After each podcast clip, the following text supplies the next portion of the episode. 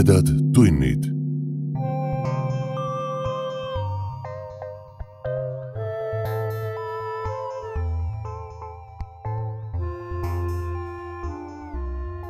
tere, hea ulmesõber. sa hakkad kuulama ulme ja õudusjutu vestmis podcasti Tumedad tunnid kolmekümne seitsmendat osa. mina olen saatejuht Priit Töövel. enne kui läheme tänase pea kahetunnise jutu juurde tahan teile teada anda, et postitasin Facebooki väikese küsitluse. selle nelja ja poole aasta jooksul, mil oleme teieni kuuldemänge toonud, olen saanud aru, et kõige ajakulukam tegevus selle asja juures on just nimelt nende juttude kuuldemängudeks tegemine. järeltöötlus, tegelaste ruumidesse paigutamine, muusika, aga eelkõige efektide otsimine, valimine, kokkusobitamine ja ükshaaval heliribale kleepimine see võtab kokku aega kümneid kordi rohkem, kui jutul endal pikkust on. sellega seoses jõuab teieni palju vähem häid jutte, kui ma tegelikult tahaksin lugeda. ja ka vähem, kui teie tahaksite tõenäoliselt kuulata. ühtlasi on ka meie kuulatavusstatistika palju väiksem kui populaarsetel iganädalastel podcastidel. ja nii tekkis mul üks mõte, mille osas ootan ka teie arvamust. mis te arvate sellest, et tulevikus sügisest alates hakkaks ilmuma senisest rohkem jutte ja rohkem osi, aga need oleksid minimaalse, taustana kõlava helikujundusega ja ilma efektideta, pigem nagu audioraamatud. umbes nii, nagu on kõlanud meie sügisesed looduses sisse loetud jutud, aga loomulikult parema kvaliteediga. täismahus kuuldemänge saaksite ka loomulikult kuulda, aga veidi harvemini ja erilisematel puhkudel ootan teid meie Facebooki lehel arvamust avaldama nii küsitlusele vastates kui kommentaariumis. aitäh juba ette. aga nüüd tänase osa juurde. tere tulemast kuulama tumedate tundide ajaloo esimest vesternit.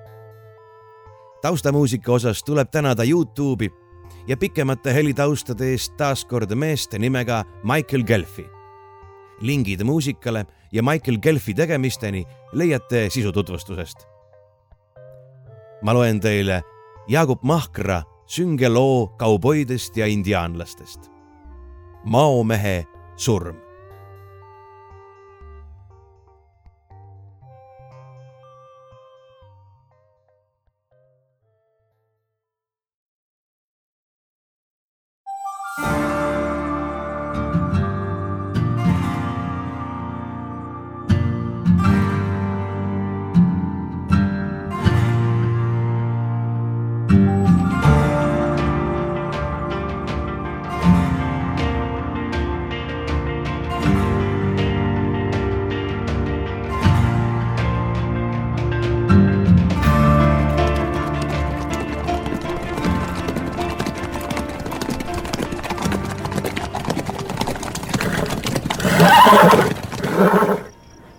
John Patterson, kõlas hõige ratsasalga seast. hüüdja, nähtavasti ninamees, seisis hetke jalustes püsti, kuid kohest vastust saamata ronis sadulast maha ning võttis nahksest paunast püssi. osad ratsanikud järgisid pealiku eeskuju. Pattersoniks hüütu oli üksi, kui mitte arvestada hobust ja tule kohal küpsevat lõgismadu. lõkke oli tehtud püstloodse kalju varju mis seisis üksildasena keset Edela-Arizona kõrbe, otse kui loodud pakkuma kaitset lõõskava keskpäevase päikese eest. seal istuv mees kergitas ninani tõmmatud kaabuserva, paljastades ühe terve silma ja ühe tühja silmakoopasse sobitatud klaaskuuli. mis temast? vastas ta küsijale. anna andeks, John, jätkas ninamees, kõlades nõnda, nagu mõtleks ta seda tõsiselt aga praegu on rasked ajad. minu nimi on Willie, Willie Baker. mõtlesin, et oleks aus seda sulle öelda. ma ei tea, missugune sina oled ja jumal tunnistagu mu sõnu, mina pole halb mees. aga meile pakuti palju raha, et sinuga veidi mängida. ja sellise summa eest oleksin ma ka oma kadunud venna vastu käe tõstnud. mitmekesi ühe sandi vastu ajad on vist tõesti raskeks läinud. lõkke ääres istuva mehe hääl oli kähe, nagu poleks ta seda kaua kasutanud. meile öeldi, et sa olevat ohtlik. üks käbedamaid käsi siinpool Mississippit. pealegi saab igaüks meist sama summa ning omavahel ei pea me midagi jagama. Willie tõmbas keelega üle parkunud huulte. paistis, et kogu mäng polnud talle põrmugi meeltmööda.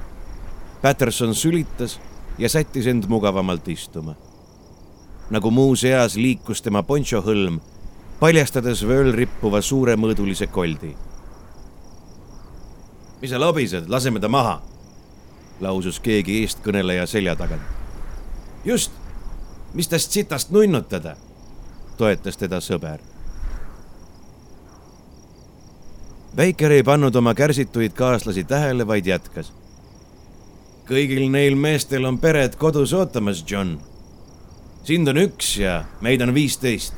sa tead, et sa ei pääse minema luba meil tegu kiirelt ära teha, et ma võiksin kõik need tublid poisid koju tagasi viia. John muigas sellise lapsiku jutu peale kõveralt ning mehed rääkija selja taga võtsid relvad kindlamini pihku. ta oli vahepeal end poncho varjus kohendanud, seadnud end valmis püsti kargama ning viinud parema käe kabuuri juurde, kus ootas revolver. see on küll pagana lahke pakkumine aga ma teen teile parema. pööra ots ringi, vii need tublid poisid kohe koju. mina pole ka halb mees, aga kui te mulle kallale kipute, ei pruugi keegi teist homset näha. ja enne kui lähete, kes teid palkas? eestkõneleja ei vastanud, vaid kortsutas kulmu, otse kui üritades oma palkaja nime meenutada. siis aga ette hoiatamata tõstis ta püssi palge ja tulistas. John oli temast kiirem. hetk enne lasku oli ta juba kalju nuki taga. püstoliduellil, nagu neid lääne tolmustel tänavatel peeti, oleks ta kohe vastutuld andnud. kuid Willie Bakeril ja mitmel teiselgi paistsid olevat haavlipüssid, mis isegi keskpärase laskuri käes teinuks temast kähku sõelapõhja haavlilaeng ja kolm sellele järgnenud püstolikuuli põrkasid kiviseinalt kahjutult tagasi. algas ebavõrdne lahing, mis lõppes veelgi ebavõrdsemalt, sest kolmteist surnut ühe mehe käe läbi ei ole kunagi õige. kaks keevaverelist noormeest jooksid esimestena Pattersonile järgi. üht jäi leinama mulatitar sülelapsega, teist hoorad viiekümne miili taguses linnakeses, sest mõnes asjas oli see poiss tõesti tubli olnud tal on ainult üks püstol, minge kahelt poolt kaljut. karjus Baker üle laskude ragina ning kivinuki külge seotud hobuse paanilise hirnumise. sel ajal, kui mehed end sõneldes kahte rühma jagasid, hüppas Patterson ise välja. kärgatasid mõned puusalt tehtud lasud ning äsja kokku saadud vasakult poolt minejate rühm vajas juba kolme mehe jagu täiendust. järgmisel hetkel oli ühesilmne revolvrikangelane taas kaitsva kalju taga. tal on relv tühi, rünnake nüüd! karjus pealik. viivates lähimat kaaslast, jooksis ta kaljuäärse lõkke juurde, kus Pattersoni hobune end vabaks sikutada üritas ja käsutas. hoia hobust kinni, Matt, ma katsun sadula kotti kätte saada.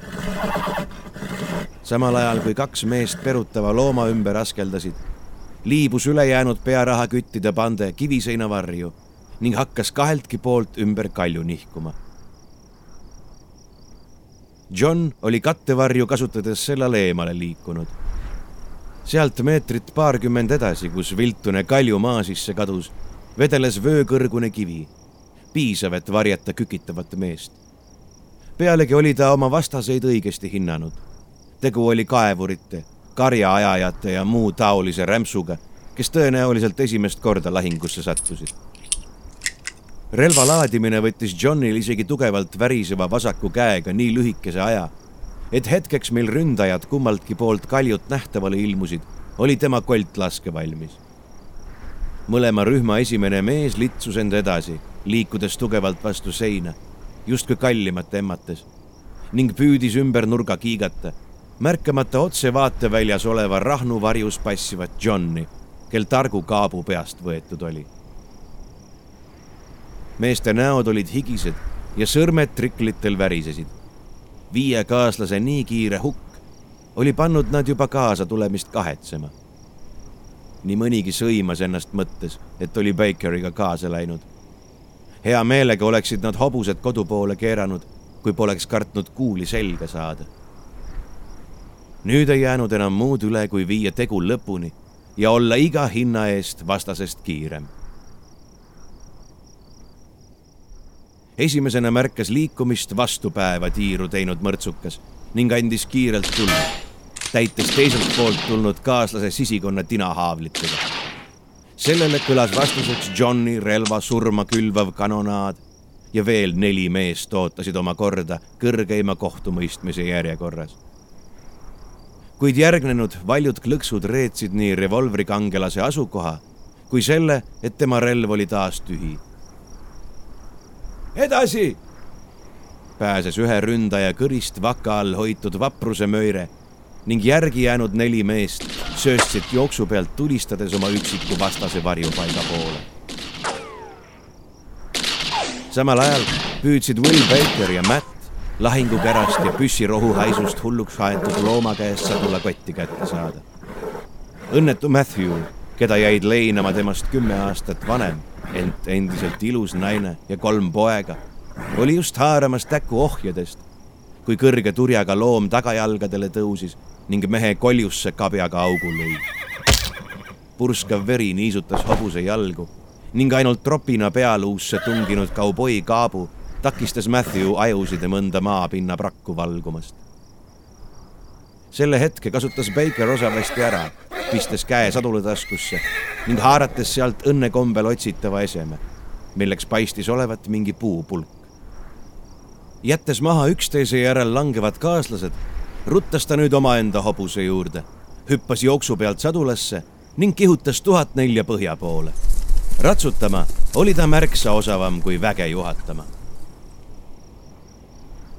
John Patterson laadis kolti kiiremini kui kunagi varem needes sajandat korda oma kasutut vasemat kätt. ehkki kivinukk varjas enam-vähem tema keha, oli tuule käes lipendavas ponchos juba mitu auku ning vastased jõudsid kohe-kohe temani. trumlit ei jõudnuks ta lõpuni täita, seega pidi iga lask tabama. üks pauk langes vaenlastest vanim, hallineva habemega kauboi, kes oli juba oma kahe raudse palge tõstnud. teine pauk leekiv punaste juuste ja tedretähnilise näoga kleenuke mees, sombrero selja taga rippumas, kisendas veritsevat kõhtu kinni hoides maas.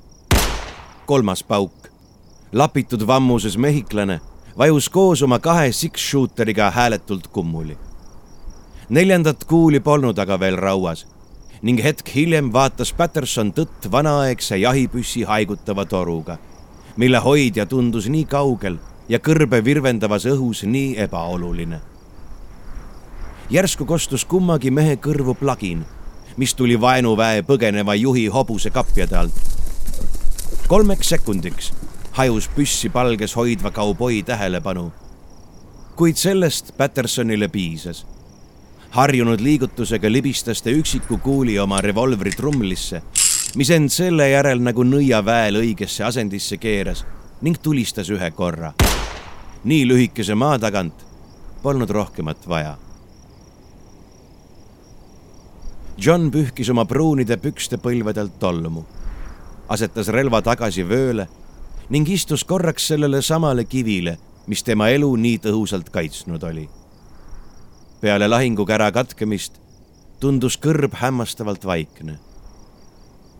Bakeri hobuse kabjatümin sumbus peagi jättes Kõnnumaa ürgset rahu rikkuma vaid surijate häälitsused.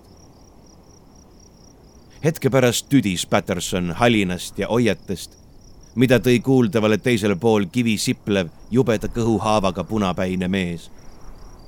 ta tõusis püsti ning jagas surijale maast võetud püssikabaga halastust, mida too õigupoolest ei väärinud, ent mis oli ometi enesestmõistetav igale relvakandjale kes näinud verevalamist ja vigastusi, mida tekitab suurekaliibriline ratsaväepüstol. viies oma sünge kohuse lõpule ja vaigistades ka teised maaslamajad, läks Patterson, halb eelaimdus hinges, oma hobust üle vaatama.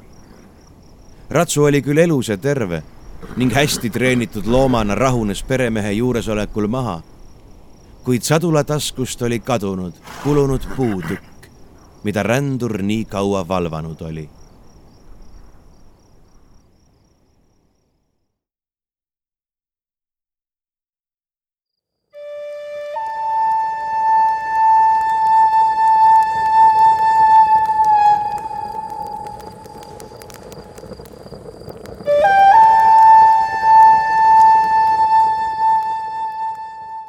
Okaha hõim oli näinud paremaid päevi. kunagine väikesearvuline, ent kardetud rahvas oli kahanenud üheainsa viletsa külani ning Hohokomi indiaanlased, kes naabruses elasid, meenutasid Okahasid ja nende tegusid nüüd vaid harva. vana pealik Monguau teadis kõike seda ülihästi. oma rahva kaotatud vägevust meenutasid talle nii tollest viimasest hävitavast sõjast pärinevad armid, mis halva ilmaga valu tegid. kui tema pea ehte kaksteist traditsioonilist kondorisulge, mis olid räsitud ja pleekinud kui kõrbe päikeses roiskuval linnukorjusel. üks traditsioon, mille täitmist Monguau oma inimestelt veel nõudis, oli tema istekoha austamine lõkkest põhja suunas. kuid sel päeval ei läinud asjad vanamehe tahtmist mööda kui pealik lähima hüti tagant end kergendamast naases, istus ta hajameelselt maha. adudes alles hetk hiljem, et see polnud tema plats ja et talle kuuluval kohal oli keegi rätsepistes võõras. kas vana Monguau on unustanud iidse pealiku uhkuse? kas Okaha sõdalased lubavad võõral nõnda oma laagrilõkke äärde kõndida? Küsis tundmatu hiiglakasvu indiaanlane valjusti. kaksteist tule ääres istujat, nooremapoolsed mehed mõlemad, võpatasid ning nende kätes ringlevast pudelist vulkses välja natuke pruunikat vedelikku. ühte neist ajas selline raiskamine omaette vanduma, sellal kui teine arusaamatul ning hägusel pilgul uustulnukat jõllitas. vaata hästi, Mongu au su vanad silmad pole veel nii tuhmid. ära ütle, et sa selles näos minu isa oma ära ei tunne.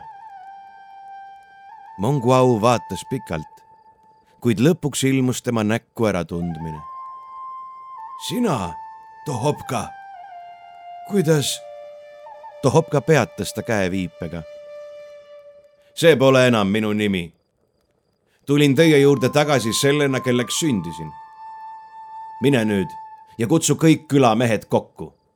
ütle neile, et Okahadel on jälle maomees.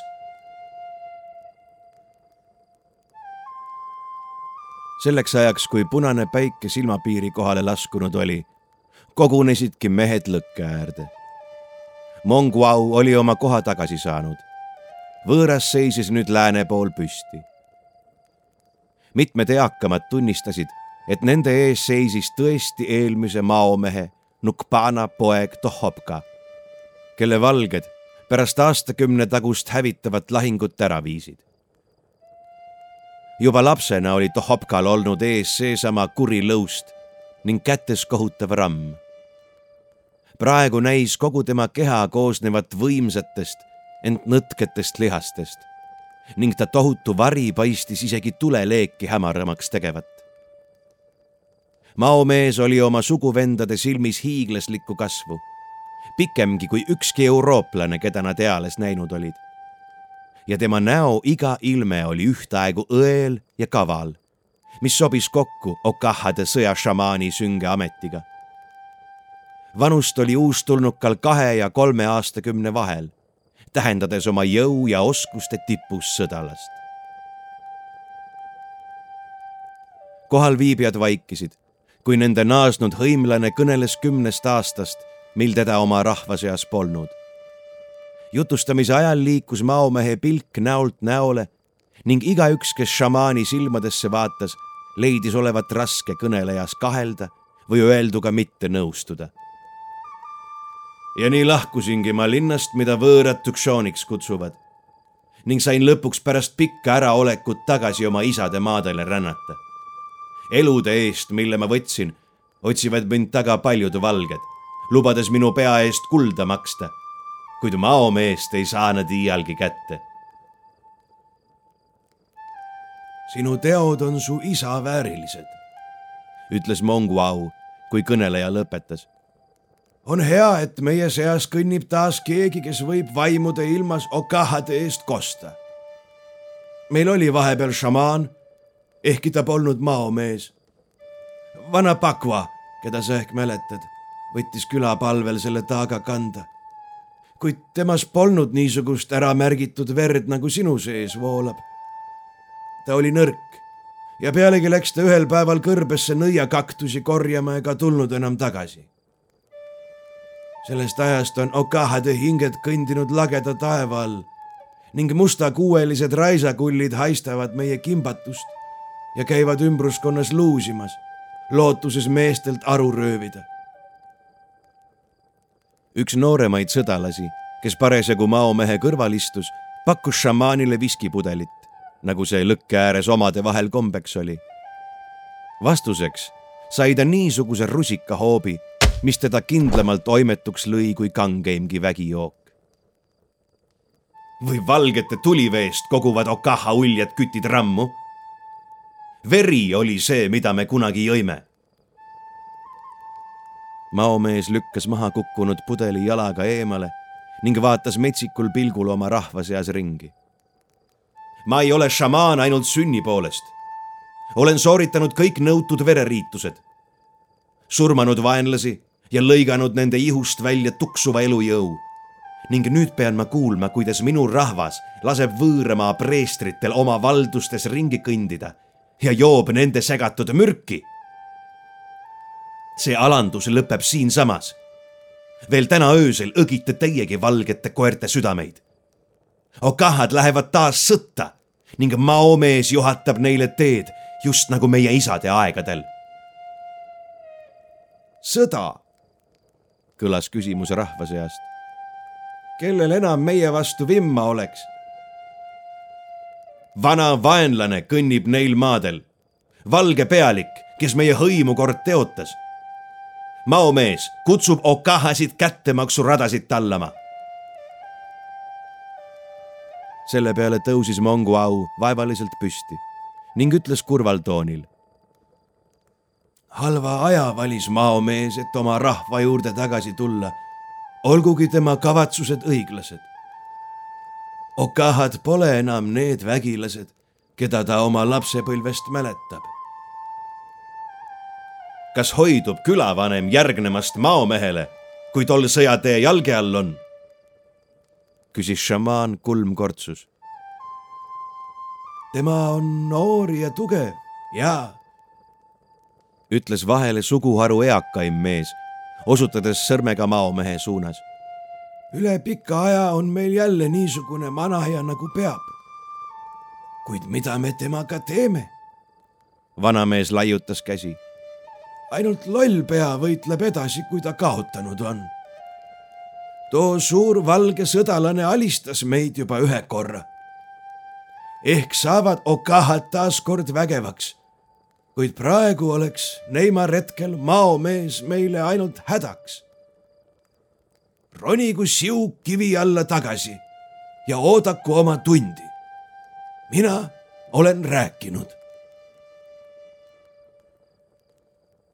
maomees liikus salvava ussi kiirusega, igati oma nime vääriliselt. välgatas kivist tera ning hõimul oli uus vanim liige šamaan urises, sundides oma silmade raevuse pilguga igaühe taltuma, kes tapatöö peale püsti hüpanud oli. ainult argpüks ronib kivi alla. kui keegi teist on veel araks löönud, lahkugu kohe püha tule äärest. siin on meeste koht ning mehed teadku, okahasid ootab veritasu, mis on iga sõdalase esimene kohus. või keeldute te tõesti täitmast maomehe korraldust kui vaenlane teie maadel kõnnib? Monguau ohkas raskelt, aga vastas siis väärikalt. me teeme nagu tava nõuab. kas kuulsite, teie kõik? Läheme sinna, kuhu maomees meid juhib ja võidame tagasi oma au. aga siiski loodan ma, lisas ta vaiksemalt, et sa meid ette valmistamata hukatusse ei saada. Sest sõjakirvest pole keegi meist ammu peos hoidnud. olles noa puhtaks pühkinud ja tagasi vööle riputanud, ütles šamaan. tulen kohe tagasi ning kõndis pimedusse. maomehe lahkudes puhkes lõkke ümber vaidlus. mõned vanemad okahad polnud nähtavasti rahul Mongu au otsusega ning sõnelesid nüüd pealikuga, osutades aeg-ajalt tumedas loigus lebava kogu poole. nooremad mehed ei saanud toimuvast päriselt aru, aga mõte uljest kättemaksuretkest kõditas nende uhkust. ja need, kes olid tapetud raugale kõige lähemal, tõmbusid laivast eemale kuna teda polnud isegi elusast peast armastatud ning istusid nüüd vagusi, püüdes oma kehadelt verepritsmeid maha pühkida. Lühikese aja pärast tuli šamaan tagasi, tassides õlal suurt kotti. vaevalt oli ta lõkketule sõõri jõudnud astuda, kui kuus sealsamas istunud meest nuge tõmmates püsti kargasid ja hiiglasele kallale sööstsid. võitlus kestis vaid mõne hetke esimese ründaja tõmbas maomees oma kotti viibutades jalust. teisel ja kolmandal lõi jalahoobiga noad käest. Neljanda võttis välk kiirelt tolle selja taha liikudes haardesse. viiendatki kostitas abituks tegeva jalahoobiga ning kuuenda paiskas tema enda kaaslast relvana kasutades süte sisse, kust toor röökides kohe välja hüppas. kui maomees vöölt nüüd enda tera võttis, taganesid nii ründajad kellest ükski tõsisemalt vega polnud saanud, kui ka mitmed teised. ent nõid polnud vihane, vaid lõbustatud. Hea, aga mitte piisavalt hea, kiitis ta neid, kes teda tappa olid üritanud. tahtnuks ma teid surmata, poleks te püstigi jõudnud. too valge pealik oleks minu asemel just nõnda talitanud. aga ärge nüüd liiga kaugele minge maomees tõstis maast koti ning tõi selle uuesti tule äärde. ta sõlmis lahti suud hoidva nööri, lastes välja pahvaka kummalist haisu. Nii nagu muiste, annavad tapatalgud ja vaenlaste surmad ka nüüd meile jõudu, lausus ta salapäraselt, tõstes välja mingi väikese vormitu eseme. mitu aastat käisin ma ringi, hukates sõdureid, kes hävitasid Okahade vägevuse kõik peale ühe olen ma kätte saanud. šamaan heitis kotist võetud eseme Monguau sülle, kes seda korraks imestades vaatas ning mõistis siis. see oli soolatud inimsüda. veel kord liikusid maomehe roomaja silmade näolt näole ning iga Okaha hinges tekkis tundmus, et nende ees seisab vana ja usaldusväärne pealik kelle sõnades kõneleb vaid tarkus. valgete südameid ma teile lubasin, siin nad on. õgige neid, võtke tagasi vägi, mida need mehed meilt röövisid. meenutage, mis tähendab olla kõrbesse leina ja hala toov keeristorm. homme läheme me sõtta. Nende sõnadega heitis maomees koti sinna, kus Okaha mehed kõige tihedamas summas istusid ise läks ta juba maailma koidikust alates šamaanidele kuuluvale kohale tule asemel läänepoolsel küljel.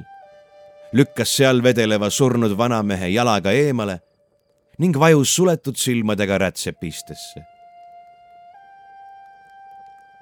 Okahad olid nõutud, vaadates kordamööda mediteerivat hiiglast ja riidest kotti, millest olid välja pudenenud mõned hallikad tombud kuid Monguau ei kõhelnud pikalt. ta oli kaua janunenud inimliha jõudu andva maitse järele.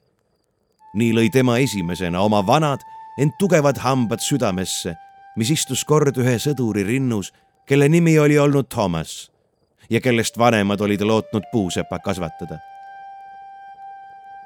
pealikku nähes ärkas tema rahva seas sama nälg ja endisaegseid pidusööminguid mäletavad täiskasvanud mehed haarasid kotist neile määratud jälgid road, kuna šamaani kingitus oli püha. siis liitusid orgiaga noored, sest keegi ei tahtnud teistest maha jääda. ja lõpuks lõi iga Okaha veres välja kiskja loomus, mis oli nende tõu päris osa ning järele jäänud südamete pärast puhkes metsik kähmlus. kõike seda jälgis maomees mitme maailma kauguselt läbi kinniste laugude ning naeratas heameelest.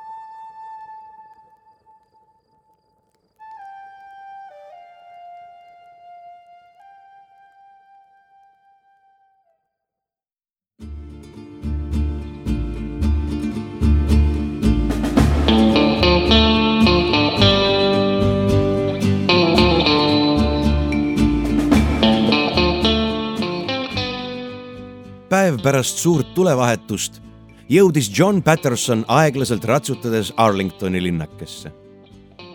ta polnud siin viibinud peaaegu kümme aastat, kuid linn oli ikka samasugune. mitte, et nad lääne suurtel kõrbealadel üksteisest üldse palju erinenud oleksid. luitunud ja peaaegu loetamatuks kulunud viltune silt Arlington juhatas Kirdest tuli ja peatänavana toimivat maanteed ääristava majade rivi vahele majad olid ehitatud avaralt, kuid kokkuhoidlikult, sest põhjapoolsetest mägedest tulev kollase männi puit oli kallis ning saviplönnide valmistamiseks kulus hinnalist vett. hoonetest suurimad asusid lähestikku ning väitsid end olevat Harvey pood ning võõraste maja. Neist esimese poole John oma sammud seadiski. Harvey oli uhkete valgete vuntsidega viiekümnendates mees. oma vanuse kohta oli ta vaieldamatult kõbus ja tugev ning ei tema enda ega ta poe välimuse pärast ei pidanud linn häbi tundma. uksest sisse astunud uustulnuk oli teisest mastist.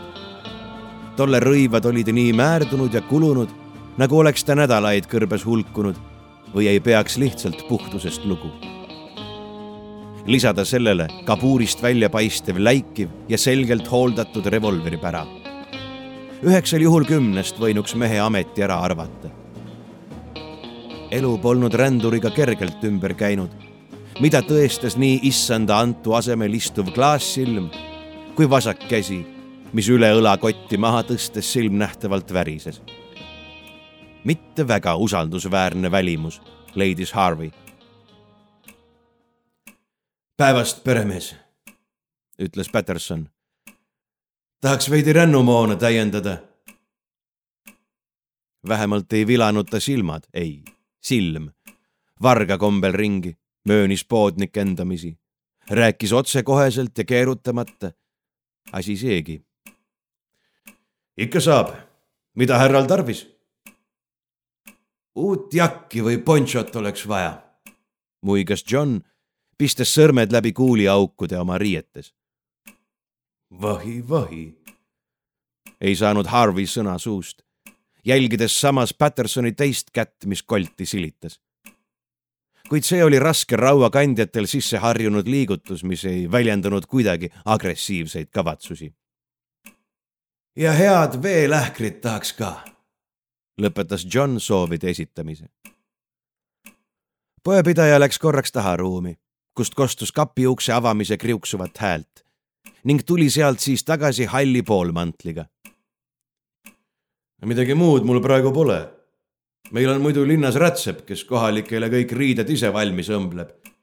ja võõraid siin väga ei liigu. vähemalt mitte nii auklikke. püüdis ta nalja visates iseenda meelerahu taastada.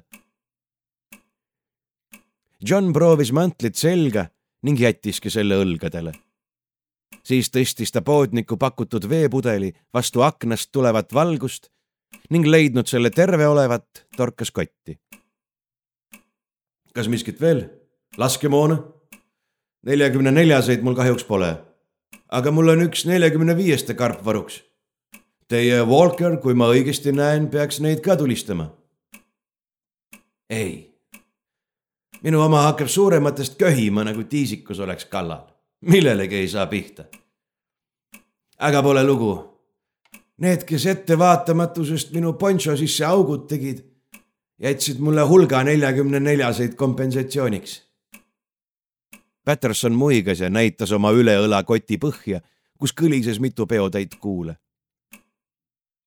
hea, et selliseid aumehi on, naljatas Harvey kundega kaasa, olles nüüd enam-vähem kindel, et tollel kurja plaane pole. tegelikult osteti paari päeva eest mu pood laskemoonast peaaegu tühjaks. täpselt nii. palju mehi, mõned siitkandi karjaajajad, mõned täitsa võõrad. tulid läbi ja võtsid kõike, mis pauku teeb. siis sõitsid kirde poole, ei tea, mis sõda pidama.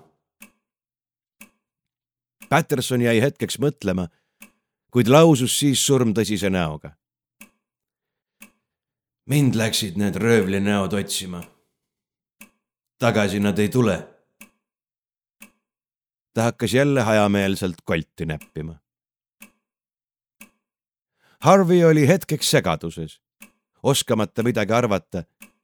kas tema kliendi eesmärgiks oli ähvardus, hooplemine või nautis too lihtsalt teistes kimbatuse tekitamist? vahi, vahi, aga kogu see pande tuli siis teile kallale, härra ja teie panite nad siruli. see küll õige asi pole. ja midagi sihukest pole siinkandis ammu juhtunud. kas mõni ikka ära ka pääses? üks sai minema, jah. ehkki ma ei usu, et ta kaugele jõuab. see, kes nad mind tapma palkas, ei armasta eriti oma võlgu välja maksta. vähemalt mitte rahas, lisas Patterson irvitades ja otsis samal ajal oma tõmbleva vasaku käega dollareid. aga mina tasun ausalt. tagasi pole vaja. pakutud raha nähes langes poodnikul, kes viimase hetkeni röövimist kartis, kivi südamelt. aitäh, härra. panen täna vist poe varem kinni ja luban endale ühe väikese viski. Robertil on praegu pagana head kraami. Käige ka läbi, kui teid niisugune asi huvitab rändaja pakkis mõtlikult oma asjad kokku. äkki tulengi. kuule, Harvey, kuidas väike Timmi elab? Pole vist enam nii väike. ma teeks teile mõlemale hea meelega ühe viski välja. siiani pole unustanud, mida ta meie heaks tegi. Harvey oli nüüd tõsiselt üllatunud. Timmi, kust sina minu poega tead? oot, oot, John, John Patterson, kurat. ma vaatasin, et sa paistad kuidagi tuttav. isegi selle klaasi tagant, mis sul näost välja kasvab. aga ei, John, Timmi on juba kuus aastat surnud. jäi haigeks ja suri maha täitsa niimoodi. Patterson jäi seda kuuldes kurvalt toanurka põrnitsema siis tõstis ta pea ja ütles. mul on kahju, Harvey. tõesti kahju. mis teha? aga see oli ammu. Pole paslik kedagi liiga kaua taga nutta. kuule, tule minuga koos võõraste majja. ma ostan sulle ise mõne viski. sa näed välja, nagu kuluks see sulle ära. tegelikult ma tahaks kuulda, mis nende aastatega juhtunud on ja mis sind siia tagasi toob? ja mis madina sa nende viieteistkümne mehega maha pidasid? siin peab olema mingi põnevam lugu toimumas. Harvey lubas Pattersonil hobuse lahkelt oma talli panna. pärast seda sammusid mehed Roberti võõraste majja, olles sel kellaajal ainsad kunded. ebamugavalt niheldes ja vaheldumisi ühesilmse laskuri näo ja tema relva poole kõõritades nõustus asutuse peremees Pattersoniga tutvuma, sest Harvey reklaamis teda kui vana sõpra. kuid et kliendid maksid terve pudeli Honkersi viski eest ette, nõustus Robert kahtlast ja ilmselgelt ohtlikku külalist natuke kannatama.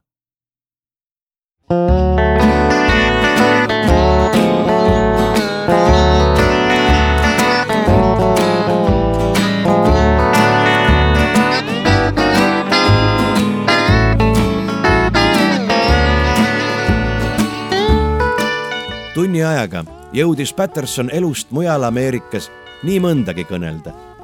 võõrustaja, kes algul püüdis sellest imelikust tegelasest võimalikult kaugele hoida, hakkas paratamatult jutuajamise vastu huvi tunduma ning liitus varsti isegi.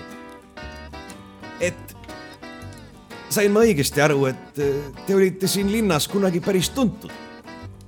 mina ja mu pere tulime oma nelja aasta eest põhja poolt.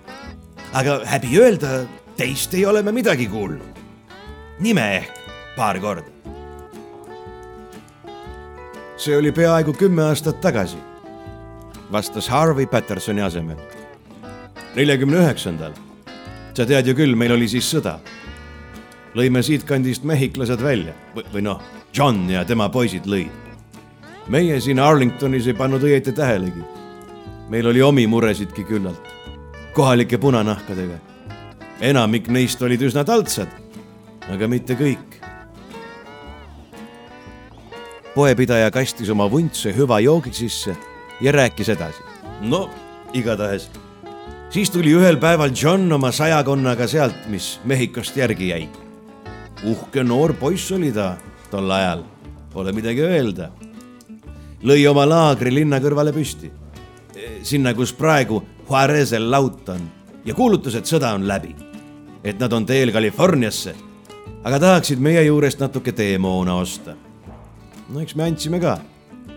samal ajal marssis linna kohalike hohokammide pealik täies suleehtes. ei tea, kuidas tema nõnda ruttu kuulis, et sõdurid linnas on. igatahes viskas ta Johni ette põlvili ja kurtis temale, et neil aladel üks hirmus katk elavat. okahad, kostus läbi Harvey järjekordse viskilonksu nii neid kutsuti. uskumatult vihased ja sõjakad. kuradi ma inimsööjad ka. Neid polnud palju, aga kõik teised hõimud kartsid neid hirmsasti. valgeid nad tavaliselt ei puutunud. mõne teekäija võtsid aeg-ajalt heaks. aga mures olime me alati, sest nende küladeni jäi siit ainult päev-kaks maad ja me lootsime, et John võtab mõned mehed kaasa ja läheb hirmutab neid natuke kuulekamaks kui temale ka räägiti, missugused need okahad on ja mida nad öösiti kuu all teevad, siis hüppas ta püsti ja vapper poiss, nagu ta on, lubas nii Arlingtoni kui Hohokamisid noist elajatest vabastada ja seda ta tegigi. Patterson sai alles nüüd vahele kosta. tema viskiklaas oli juba neli korda tühjaks saanud, kuid ta hääl oli endiselt kindel. kui me Mehhikos sõdisime siis me nägime seal igasuguseid asju. ükskord me marssisime kusagil mägedes, et vaenlasele selja taha pääseda. meie tee peale jäid mitmed naljakad indiaanlaste hõimud. mõned polnud valget meest peaaegu et näinudki. osad suguharud olid päris kahjutud, teised aga mitte. ühel ööl laagrit püsti lüües sattusime me mingi punanahkade väesalgaga kõrvuti. meiega polnud neil õnneks tüli Nad olid ühe omasuguse rahvaga sõjajalal. aga me kuulsime ja nägime pealt, mismoodi nad lahinguks valmistusid ja mida nad tegid vangidega, keda kütid keset ööd laagrisse tõid. veteran raputas pead. Sõjas tegime meie ja tegid nood Mehhiko krantsid igasugu jõledusi. ma olen endaga rahu sõlminud ja patte kahetsenud nii hästi kui oskan. kuid osasid asju ei peaks ristitud mees kunagi kogema. iga kord, kui ma kuskile paika kauemaks püsima jään, siis hiilib minusse mingisugune rahutus ja ma vaatan suure kuu kätte poole. Ja mulle tulevad meelde nood mäed Mehhikos, mille nimigi ei meenu, kuid mille õudused ei saa kellelgi eales meelest minna, kui ta neid vaid korra näinud on. viskipudel tühjenes kummastava kiirusega. Pattersoni kõri paistis olevat täiesti tuim kange joogi võlude suhtes. kus enamik mehi juba lauluviisi üles võttis, läks tema nägu süngemaks ning juttu pressis ta välja läbi hammaste. kui ma pärast sõja võitmist oma mehi tagasi kodumaale tõin ja tolle hohokami hala kuulma juhtusin taipasin ma, et ööd on pimedad igal pool. ja et kuradid lasevad ringi kus iganes, kui valge mees neid minema ei aja. Otsustasin, et löön vähemalt Ameerikast selle põrguliste hõimu välja, sest pane tähele, see on sama hõim või siis väga sarnane. hohokamid kirjeldasid neid tookord väga elavalt ja mul polnud kahtlust, et siin on mingi kuratlik seos. ja aga nagu selgus, oli mul õigus. tal oli õigus, hõikas natuke vindine Harvey vahele. mu oma poiss, kes ta oli tol ajal vast kaheksa aastane, kuid kange ratsutaja juba. tema oli näinud, kus Okahade laagriplatsid asuvad teadis sinna viivaid salateid läbi kanjonite. ma olin tol päeval tema üle kuradi uhke, kui ta Johni mehed ja paarsada hookami sõdalast õigesse kohta juhatas. Ma kartsin küll, et poisiga midagi juhtub. aga kaks päeva hiljem tuli ta tagasi, istus Johni ees sadulas ja oli ühes tükis ja mitu aastat täiskasvanumaks saanud kogu järele jäänud elu jäi ta sellest rääkima, ütles vana poodnik pisaraid alla surudes. kui vapper ja väärt mees John ikka oli. tead, Timmi lootis kuueteistkümneseks saades sõjaväkke astuda. lootis niimoodi veel kord oma kangelast kohata. aga siis tulid rõuged ja kuu ajaga oli kõik. selle lausega jäi Harvey kurvalt istuma, põrnitsedes läiget oma klaasi põhjas. vestlus vaibus nüüd natukeseks. Mehed tegid piipu ja kahandasid aeg-ajalt Honkersi kuldseid voogusid. kuidagi jõudis sõna linnatänavale, et Roberti juures istub kummaline külaline ja vanemaid arlingtonlasi pani kõrvu kikitama nimi Patterson. mõne aja pärast leidsid Harvey ja John end meeste summa seast, kes käratsedes küsimusi esitasid ning viimane pidi oma vahepealseid töid ja rännakuid mitu korda üle jutustama. Aga kuule, John, kargas Harvile järsku pähe. sa polegi öelnud, mida sa Arlingtonis teed. vajusid minu juurde sisse rääkisid oma madinast viieteistkümne mehega, mida ma jumala nimel ka usun. aga miks kõik see? ega sa kellegi tähtsaga tülli läinud pole? kui sul varjupaika vaja on, siis igaüks meist oleks nõus sind aitama. Seda viimast väidet saatis ümbritsejate heakskiidu ümin. olen ühe pearaha jälil, vastas Patterson ehkki õigem oleks öelda, et pearaha on minu jälil. minu praegune saak on ohtlik. hullem kui mina. tal on minu vastu vana vimm ja ta on võib-olla kõige hirmsam tapja, keda ma üldse kohanud olen. mitte just meeldiv olukord, nagu näete ma põgenen tema eest juba paar kuud. otsin sobivat lahingupaika või kohta, kust talle lõksu seada. avalikult ja lagedal ma talle vastu astuda ei söanda. Kuid ma kardan, et meie võitlusega ei anna enam kaua viivitada. kuidagi suutis ta nood mõrtsukad minu teele ette saata. tema ise tuleb järgmisena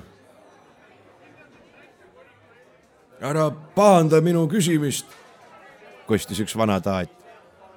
aga kuidas sa ühe silmaga mõtled tema vastu saada, kui ta nii osav mees on, nagu sa väidad? Ja su käsi väriseb, nagu poleks seal üldse konti sees. kas üks silm ja üks relv on laskuri jaoks piisavad? ja, ja, mis sinuga üldse juhtunud on? päris teine. mis minuga juhtus? sain noole silma paari aasta eest. sellelt samalt mehelt, kes mind praegu jälitab. nool võttis pool nägemist ning selle ots jäigi kusagile peakolusse. vasak käsi ei tööta sest ajast peale korralikult. tegelikult läheb aina viletsamaks. aga parem on normis. olen õppinud temaga osavamaltki ringi käima kui enne naljakas, kuidas ma tema võimeid alles nüüd märkama olen hakanud. Harvey lõpetas samal ajal järjekordse kiire tutvuse viskipudeliga ning tema silmad reetsid, et mees pole enam kaugeltki kaine. ta kummardas Pattersoni poole ja lõi veterani haige vasaku õla pihta sõbraliku müksu. adressaat võpatas valust, kuid ei öelnud midagi poepidaja hakkas oma pehmel keelel vadistama. John, ma usun sinusse. Ma usun, et sa saad sellega hakkama. sa olid juba omal ajal kõva käsi, aga, aga kas sa ei tahaks meile väljast demonstreerida? mõne posti pihta näiteks. nooremad mehed siin vajaks väikest juhatust, kuidas õigesti püssi lasta. Patterson tõmbus pingule. talle ei meeldinud purjus seltskonnad, kus jutt läks relvadele. Niisugustest sõbralikest vestlustest saidki tihti alguse kõige suuremad verevalamised. kuid kui oli selge, et teda ja tema laskmisoskust niisama rahule ei jäeta, pöördus ta pukil ringi, jäädes näoga rahva poole. ma ei tulista lõbu pärast sest seda on minu elus liiga palju teha tulnud. siiski. ja Patterson võttis aeglaselt kabuurist kroomitud revolvri ning näitas seda teistele. on mul väike eelis, mida teistel pole. see relv, minu juhiste järgi valmistatud ja täiustatud Colt Walker, täiesti ainulaadne neljakümne seitsmendal aastal oli meie Mehhiko kampaania juba käimas.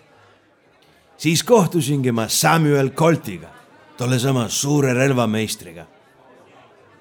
ta oli valmistanud minu toonase ülemuse, kapten Hamilton Walkeri palvel uue püstoli, mis tema järgi ka Walkeriks ristiti.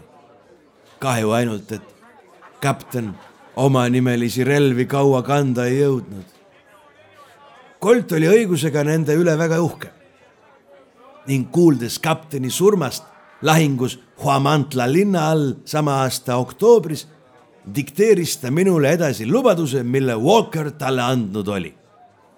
pidin suure meistri peale sõda üles otsima ja põhjalikult rääkima, kuidas tema revolvrid toimisid. toimisid nad loomulikult hästi kapteni surmaga kaasnevast halvast endast hoolimata. täitsin oma lubaduse ja otsisin Koldi üles. Külastasin tema töökodasid ja me saime päris headeks sõpradeks. ta oleks oma uuele relvamudelile minu nime andnud, aga kahjuks oli tal üks Pattersoni mudel juba olemas. ega ma kuulsusest hoolinudki järgnevatel aastatel külastasin ma Sammi paaril korral veel, kuid temal oli pidevalt kiire ja minul ka. alles kahe aasta eest tasus tema sõprus tõeliselt ära. Ja siis saingi ma selle õnnetu noole silma. ja mõnda aega kartsin, et ma ei hakkagi enam relva hoidma. kuid hea Sam Colt aitas mind vanade aegade mälestuseks. minu eripärasid arvestades töötas ta ühe oma Walkeri ümber. Colt on ju väga tuntud mees ning tal on palju sidemeid. niisiis küsinud ta nõu ka mitmetelt teadusemeestelt. Lõpuks pani ta kokku parima revolvri, mida meistri käsi suudab. raha ta minu käest ei tahtnud. kuid nii palju, kui ma neist asjadest tean, ei tulnud see töö just odav Patterson keerutas relva käes, kuid kellelegi katsuda ei andnud. revolvri kangelase ainuke silm säras elavalt, mis oli ainsaks märgiks, et alkohol temalegi mõjunud on. Mulle meeldib temast kõnelda. teeb poolikust mehest terve.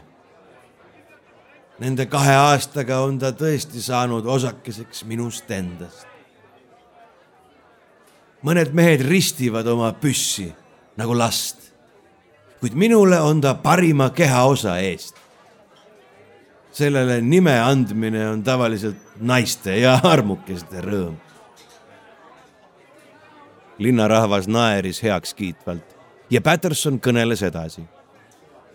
näe, pealtnäha paistab ta kui harilik Walker. tegelikult on tal mitmeid täiustusi.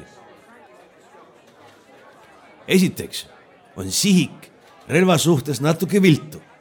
see on minu silma pärast teiseks keerab trummelend hammasratta abil ise peale igat lasku edasi. Ehkki hädas on seda käsitsi siiski kiirem teha. suhteliselt rahumeelne rahvas, kes moodsatest tulirelvadest palju ei teadnud, kuulas ammuli suhi. kolmandaks on relv veel pikema toruga kui tavaline Walker. ma olen parema käe väga tugevaks harjutanud ja selle võrra võin ma suuremat raskust lubada. neljandaks on kusagile relva sisse peidetud elav hõbeda soon. elav hõbe, see on üks naljakas metall, mis valgub peaaegu nagu vesi. vildi valmistajad kasutavad seda. minu revolvri sees on tühimik, kus natuke ainet ringi voolab. kabuurist haarates aitab see oma raskusega mul relva kiiremini õigesse asendisse saada. päraga kellelegi äsades on löök tugevam ka. Viiendaks. Patterson kiitis veel mõnda aega oma püstolit ja jutustas mitmetest tulevahetustest, kus ta osalenud oli. siis aga teatas ta väsimusest ja läks koos purupurjus poodnikuga viimase juurde ööbima. Robertil polnud kahju neid minema lasta sest nõnda ilusat kasumit polnud ta tükil ajal näinud ja ülejäänud seltskond jäi pealegi veel kauaks võõraste tuppa muljeid vahetama.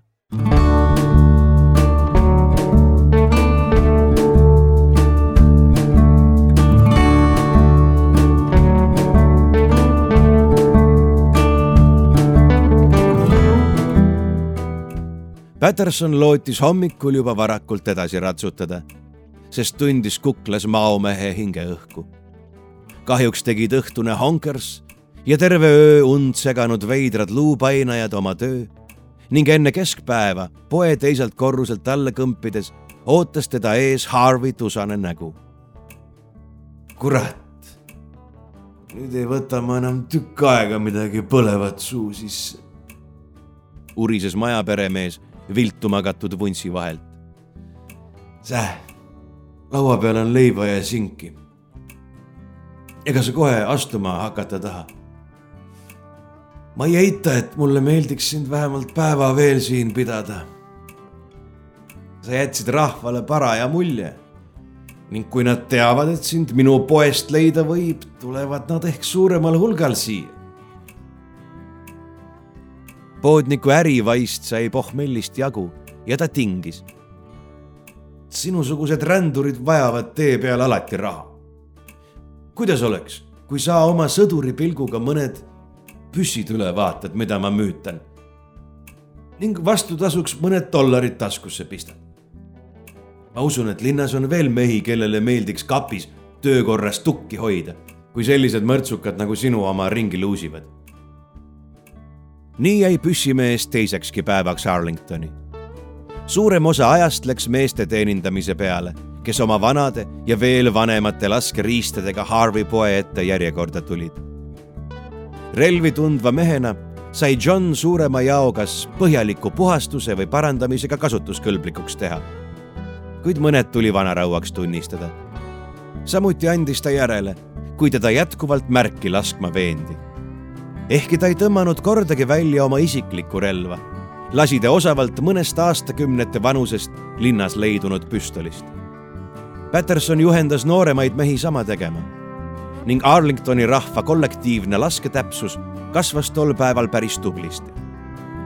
kogu selle lõbu eest maksti talle umbes viiskümmend dollarit lisaks prii toit ja ööbimine.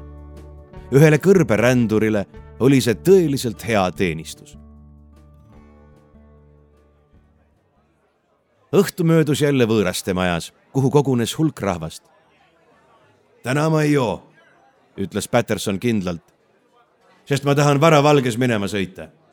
ma kardan, et tänanegi päev oli kurjast. ehkki puhkust oli mul nii väga vaja. oma kainusest teatas ka Harvey, tema järel suurem osa külalistest ning võõraste maja peremees needis nüüd ränduri inspireerivat mõju, olles juba unustanud eelmise õhtu kasumi. vähemalt ei pidanud ta kohvipada kordagi tulelt võtma Peterson ei alustanud sel korral nii süngetest teemadest, vaid jutustas raudteede ja telegraafiliinide rajamisest ning kemplemisest konföderatsiooni ja unionistide vahel orjapidamise üle. see põhjustas Arlingtonlaste seas palju imestamist. linnas polnud ühtegi neegrit ning üksikud indiaanlastest orjadki olid poolvabad. ida pool on see tõsine teema, manitses jutustaja ning võib juhtuda, et nad seal varsti üksteise kõride kallale kipuvad. Läks meist mööda Mehhiko sõda, läheb ka see. Arlington ei huvita kedagi, ütles üks hallipäine raukelu targalt. ei tea, pomises Patterson vastuseks.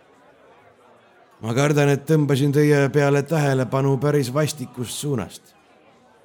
kuulake, kui ma homme läinud olen ja keegi mind otsima tuleb, siis ärge hakake vastu. näidake täpselt, kuhu suunda ma läksin. ärge üritage valetada ning ärge jumala pärast minu jälitajat kinni pidada üritage. muidu võib juhtuda, et te kambakesi tolle mõrtsuka küll maha tapate, kuid kaotate ise ka hulga häid mehi.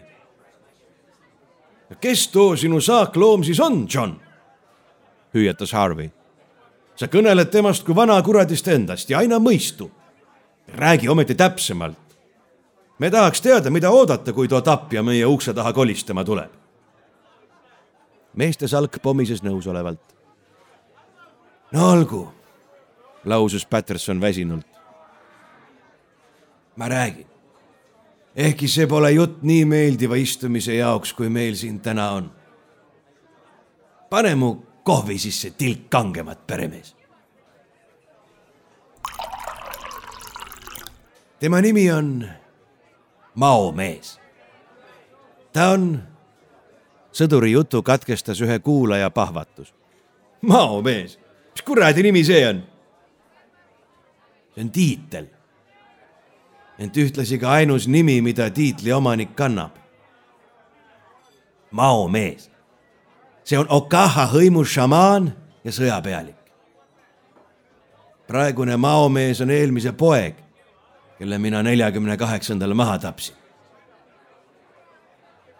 Okaha, küsis Harvey, kel selgelt meeles oli tolle rahva sünge kuulsuse varju all elamine ning kõrbeöös kaikunud ebainimlikud karjed. Ma arvasin, et te tapsite nad kõik. mitte kõik minu parema äranägemise vastaselt. osad sõdalased pääsesid lahingust eluga. samuti jäi hävitamata küla või kaks. aga suurima vea tegi üks minu meestest, kel süda härdaks läks ning kes šamaani poja endaga tagaselja kaasa viis, et too teenriks õpetada. poeg, nüüdne maomees, võis tol korral olla vast kolmteist, neliteist aastat vana. Nende punanahksete saatanate juures ei saa kunagi päriselt aru. hiljem kuulsin ma, et isandal ei õnnestunud orja tööle sundida ning ta müüs poisid tsirkusele. noore maomehe hüvastijätu sõnadeks endisele omanikule olla olnud kättemaksuvanne temale ja tervele meie salgale, eeskätt aga mulle Patterson tegi pausi, et lonksata kanget kohvi. tema ümber puhkes arutelu. jätta ellu sellist põrgulist, mis küll inimestele mõttes on. no jaa, aga kuidas sa nii noort last ikka tapad? ei ole need mingid lapsed. tapma ja röövima õpivad enne veel kui kõndima. tuline õigus, kuramus, sisistas ühesilmne viimase lause peale. Ma olen palju ringi käinud, siin-seal inimestega rääkinud.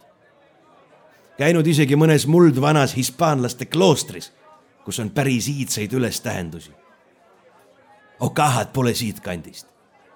Nende kombed ja isegi veri on teistsugused, kusagilt lõuna poolt pärit samasugust rahvast nägin ma Mehhiko mägedes.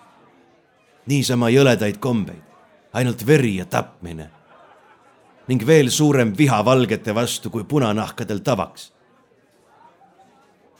mungad kirjutavad, et Okahadel ja nende Mehhiko sugulastel on vana vimm, et nad peavad kõiki valgeid mingi kunagise kuriteo pärast süüdlasteks.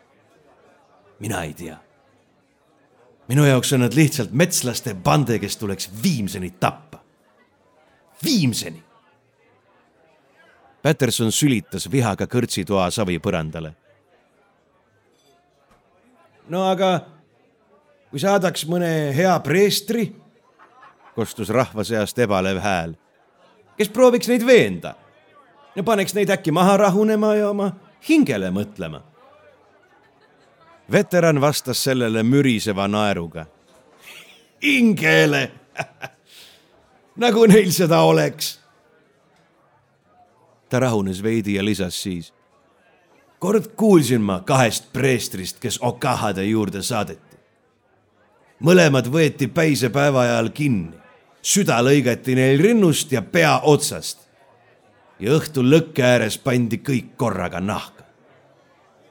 Nad ei vaevunud peale tapatööd isegi kaema ega musta kuue meestel midagi väärtuslikku kaasast pole.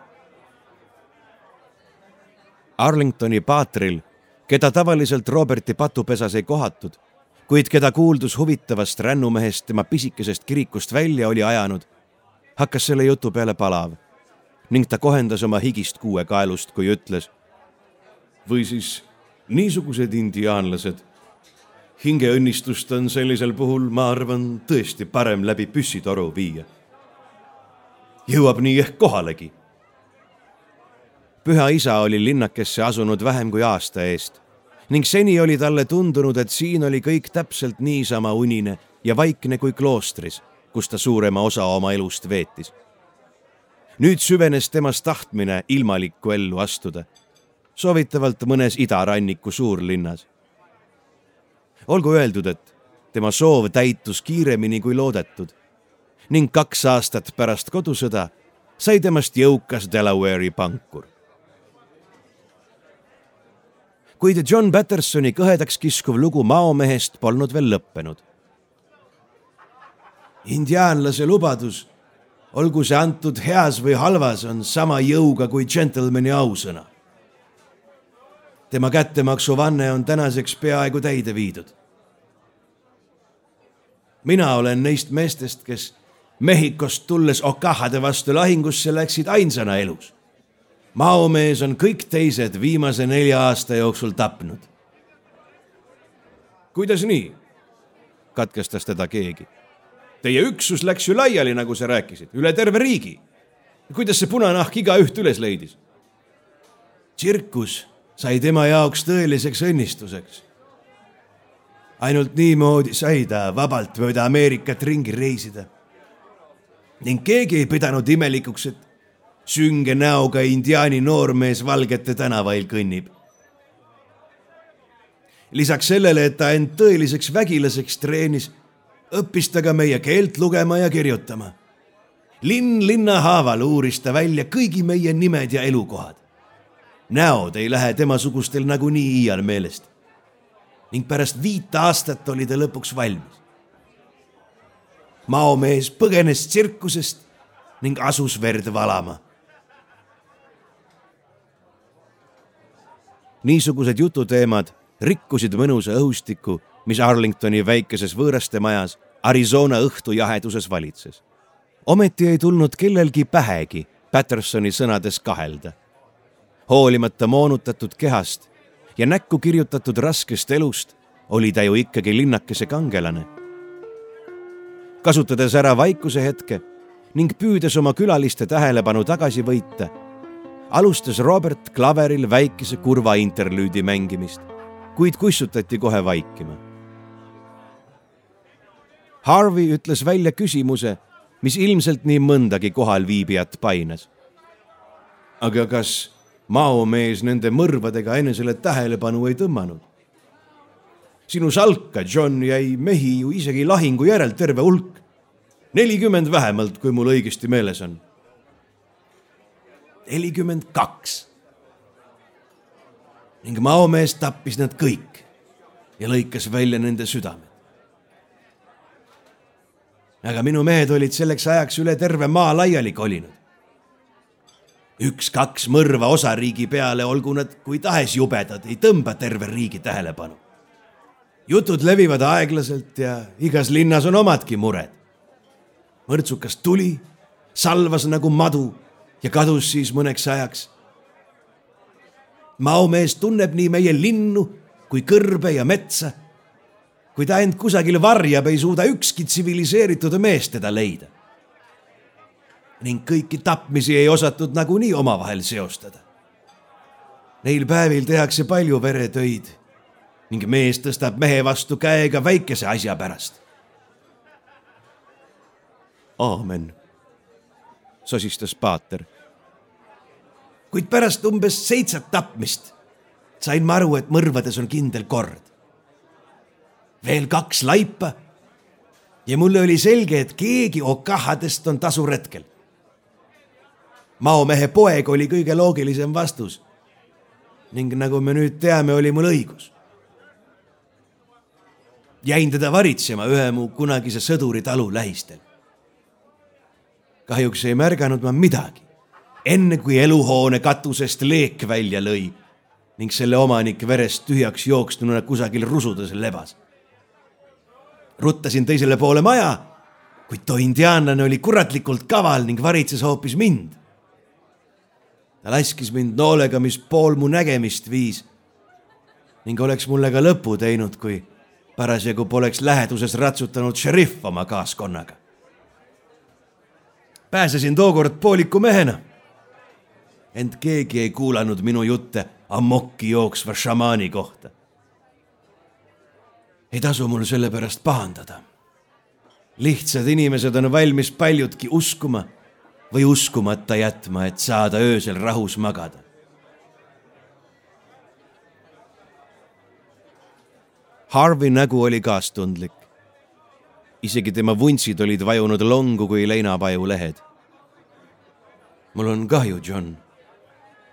tappa kõik su kaaslased ja nüüd sind jälitada. kuidas saab ühes inimeses, kui tahes metsikus olla niisugune viha? kuid ta on siiski ainult mees. sinul on kõige osavam revolvri käsi, mida ma kunagi näinud olen ning sa tead nüüdseks oma vaenlase riukaid me kõik usume, et sina jääd peale. kui sa ta kätte saad, siis lõika tema otsa esisesse Arlingtoni nimi, sest see linn aitab sind, kuidas suudab. palvetagem, ütles preester pühalikult. In nomine patris et filii. Need mehed, kes kiiruga kokku pandud käte kohalt pilgu söandasid tõsta, nägid revolvrikangelast irvitamas preestergi vakatas. ta polnud harjunud oma autoriteedi ja enda arvates ilmselge pühalikkuse niisuguse eiramisega. Patterson võttis selgitada. ma olen ristiinimene, isa, nagu teisedki siin hüvas toas. issand on minusuguse patuse vastu hea olnud. aga mõnikord tasub näha ka teistsugust tõde indiaanlaste vaimud ja jumalused on vanemad kui meie natsaretlane ja siin maailma nurgas palju tõelisemad. Neid ei aja ära vaid palvetega. tarvis on vaprust ja relvajõudu. mina tean, sest olen näinud Okaha rahva manituud oma silmaga. Arlingtoni mehi haaras hämmastus.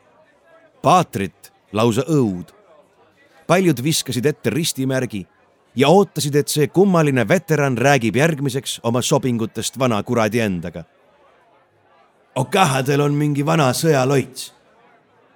kuulsin sarnastest asjast Mehhikos ning nägin seda siinsamas kümne aasta eest, kui me nende laagri poole hiilisime ja nemad meie tulekuks valmistusid. mõned minu kaaslased jõudsid seda samuti silmata. Enne kui ma vana maomehe kahesaja jardi pealt ainsal lasuga pikali sirutasin. ükski neist meestest polnud arg ega nõrk. ent keegi ei elanud pärast seda kaua. ainult mina olen tänaseks alles. vana sandina küll too hirmus riitus jäi aga lõpetamata ja me võitsime lahingu.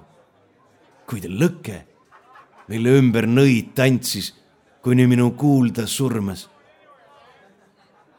Pattersoni silmis näis peegelduvat toosama paganlik leek, millest ta õõvastaval toonil kõneles ning mõnedki vagamad külalised kahetsesid nüüd, et olid seda hirmsat meest kuulama tulnud.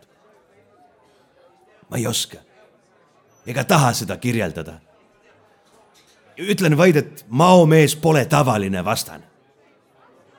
temas on miski kuri vägi, mida ükski valge ei mõista ning mida me õigusega nimetame saatana tööks. ning mina kavatsen sellele lõpu teha. Patterson pani vaikiva meeste hulga ees käed risti rinnale ja sõnas. kõik. rohkem ma ei räägi Lähen magama ja lahkun varavalges. siin on raha kohvi eest, Robert. Tagasi pole vaja. jätnud letile kaks dollarit, kõndis ta võõraste maja välisukse juurde ning avas selle endale ja Harvile. sel samal hetkel kajas üle õhtuhämarusse mattunud linnakese metsik ulg, millele lisandusid teine, kolmas, kümnes. maomees oli tulnud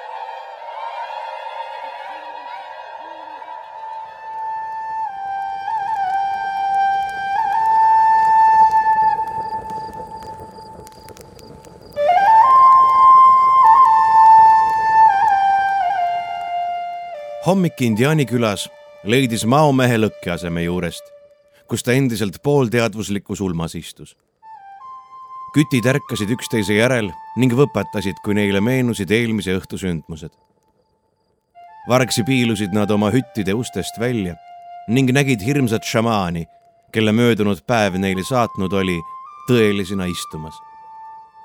süte ääres vedelesid tapetud vanamehe jäänused, millest olid alles nüüd vaid kondid kes või mis laiba öö jooksul paljaks oli tõginud, okahad omasid ei söönud, ei tahtnud keegi mõelda. kuid külaelanikud tundsid end sellegipoolest reipa ja teotahtelisena. ka kõige vanemad. maomehe kõne ja ilge pidusööming, mille ta oma sõjameestele korraldas, andsid neile nüüd käegakatsutavat jõudu. Nad olid okahad ja nad olid tugevad maomees väljus transist ja tema pahupidi olnud silmad pöördusid tagasi selle maailma suunas. ta oli paljutki näinud. nüüd istus tema ees poolringis kogu sõjavägi, millega Okaha hõim veel kiidelda võis. kõik kokku neli-viiskümmend meest. mitmed neist olid oma parimatest aastatest mööda jõudnud ning kellegi lihased ja kõõlused polnud nõnda sitked, kui nad pidanuksid olema. ent tahe ja oskus võidelda oli nende rassimälus alles ja see teadmine peegeldus eredalt igaühe silmist. ma haistan tuules verd, kõmistas maomees järsult. täna saab seda ohtralt valatud. meie vaenlane on linnas, mida teie Arlingtoni nime all tunnete. ta jääb meid ootama, sest ta on väsinud heitlusest olevustega, kelle ma tema unesid kimbutama saatsin korjake kokku oma relvad, veelähkrid ja natuke puid. muud ei vaja. me asume peagi teele. sõdalased kadusid taas oma hüttidesse. maomees jäi lõkke äärde tammuma. kui tema kõrvu jõudis kabjaplagin, vaatas ta lähedal asuva künka poole ning nägi selle nõlval inimkogu hobusel. ratsanik tõstis viipeks käe ning sõitis otse küla suunas. see oli Willie ainus ellujäänu Pattersoni rünnanud salgast.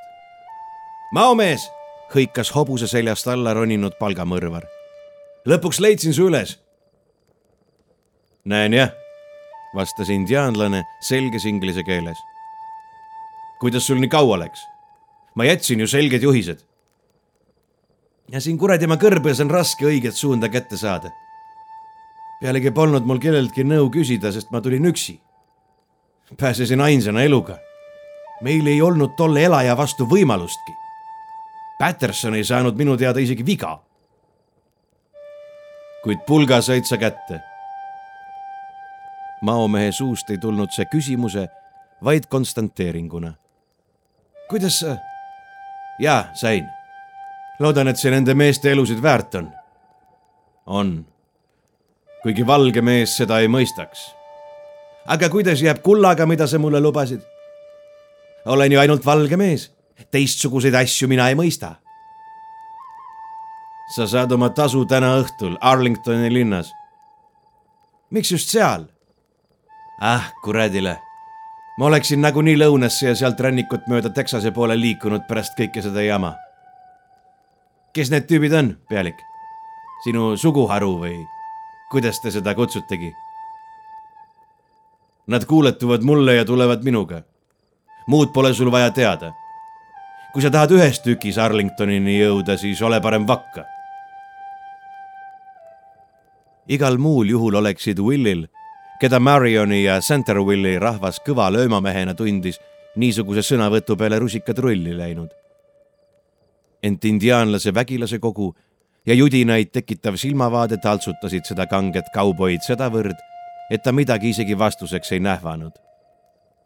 William Baker polnud loll mees ega ka halb, nagu ta kaks päeva varem Pattersonile öelnud oli. ta oli lihtsalt väga halba seltskonda sattunud seda möönis ta endalegi, kui oli oma hobuse poole astudes lõkke ääres vedeleva inimkolba otsa komistanud. püha neits, alasta mu peale, pomises ta ja hakkas närvide rahustamiseks mõttes kulda hooradeks ümber arvutama.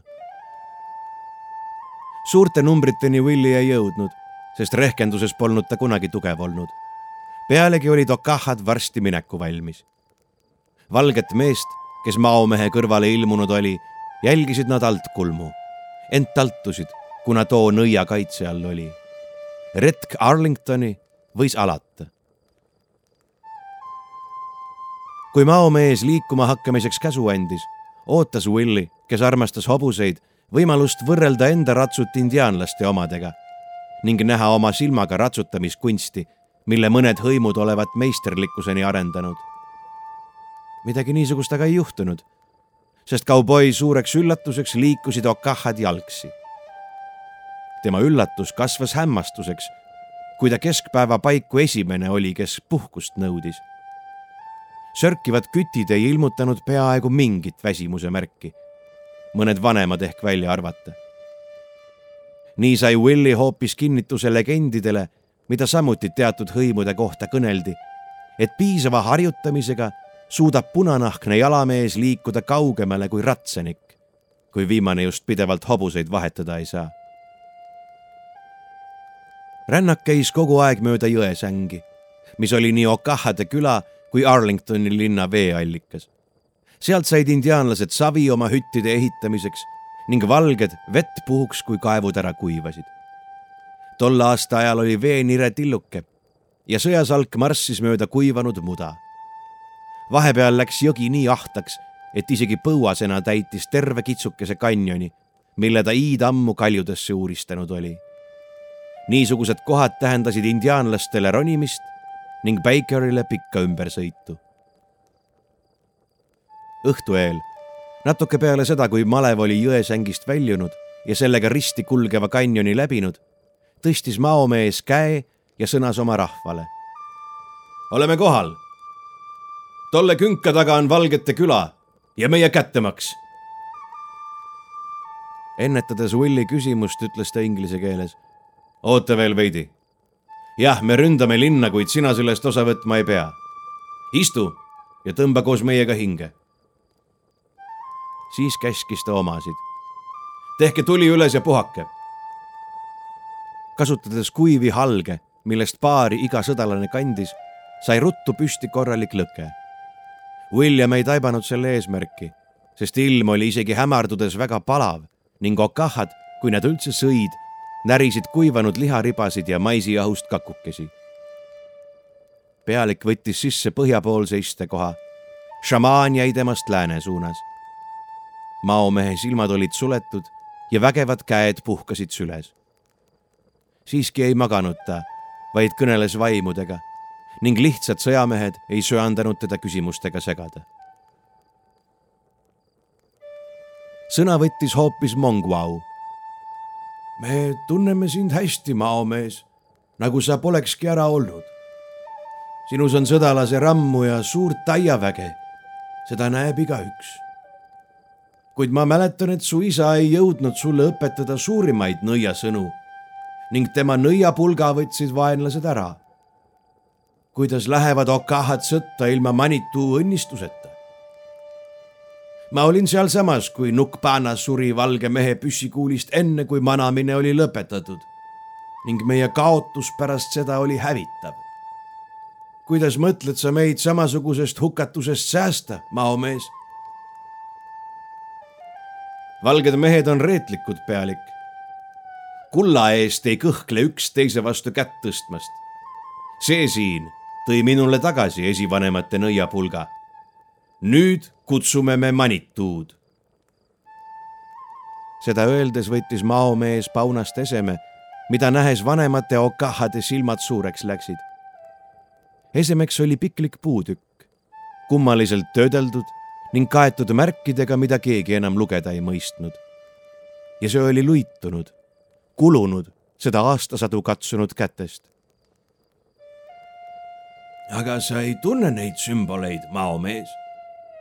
Kuidas mõtled sa nõiasõnu kõnelda? ühel päeval õpin ma muistse kirja taas selgeks, kuid täna lasen ma tulel enda eest lausuda selle lausega heitis maomees pulga lõkkesse. mõnda aega ei juhtunud midagi, ent hõõguvate nottide peal puutükk lõpuks siiski süttis. Sellesse kraabitud märgid saatsid puidu hävides võbelusi läbi paljude ilmade, ulatudes lõpuks paikadeni, mida väisavad vaid suurimad šamaanid ja preestrid. kui avanes värav, kargasid üles kummalised leegid, mis kohe ka taandusid Nende asemele kerkis suitsusammas, moodustades selgepiirilise kuju. vaadake, meie manituud, möirgas maomees oma kaaslastele. Selline oligi Okahade kaitsevaim. pikk mees pealiku rõivais, kelle kõhn ja nälginud kogu oleks teiste indiaani hõimude jaoks vaid hukatust sümboliseerinud olendi peaehte suled olid murdunud, ent terveid sulgi leidus mujal tema riietel ning kui silmad ei petnud, ka kehal. see võis olla väänlevate suitsujugade tekitatud illusioon, et varjukuju nahk iguaani või lõgismao taoliselt soomusjas tundus. kuid tema silmad olid selgelt roomaja omad ning jõllitasid pilkumatult õhtu päikesele järele. siis vaatas ilmutis maomehele otsa kõverdas oma kirvest hoidvat kätt, noogutas ning kadus koos ülejäänud suitsuga punetavasse laotusse. väravat avatuna hoidnud nõiatuli jahtus ning lõke kustus, nii nagu hääbub kõik muu selles maailmas. kogu suguharu oli silmili maha langenud, kõik peale maomehe noorematele okahadele oli vaatepilt iseäranis tugevalt mõjunud kuid vanemad mehed mäletasid minevikust suuremaid Manituu kutsumisi, kust võtsid osa sajad sõdalased ning kus ohverdati kümneid vange. Monguau oli üks esimestest, kes oma kulunud liikmed püsti ajas ning šamaanile lausus. ma olen näinud. verepulma ei saa enam kuidagi ära hoida. tuleb vaid minna võitlusse ja astuda saatusele vastu juhi meid. teisedki vanemad okahad kordasid rituaalseid vormeleid, kinnitamaks tapa iha ning ustavust oma maomehele. noored mõistsid ainult, et olid saanud osa vägevast ilmutusest, millega missionäride võõrkeelseid pominaid kuidagi võrrelda ei andnud ning pigistasid relvavarsi. Willie jälgis seda kõike maas istudes, toetades oma selga pruuni hobuse vastu ning palvetades aina hirmusegases transis. ta ei märganudki, kuidas riitus lõppes ning osalised püsti tõusid. Kui maomees talle käe ulatas ja ta indiaanlaste ringi juhatas, pomises ta issameiet masinlikult edasi. alles hetkel, mil ränikivist tera talle kõrre tungis, mõistis ta, kui halba seltskonda ta tegelikult sattunud oli. ent vähemasti suri ta hea mehena Jumala nimi lõpuni huulil. Okahad olid pikast rännakust näljased. Willi veretu keha raiuti sealsamas tükkideks ja söödi toorelt ära. hõim polnud juba paar aastat värsket inimliha saanud ning see suurepärane toit andis neile enamgi jõudu kui kõik teisi ilma manituud. päike polnud palju madalamale jõudnud kui õnnetust valgest mehest oli järel vaid üdist tühjaks imetud kondid. edasi nüüd, hüüdis maomees ja asus rühkima üles künkast, mille taga oli Arlington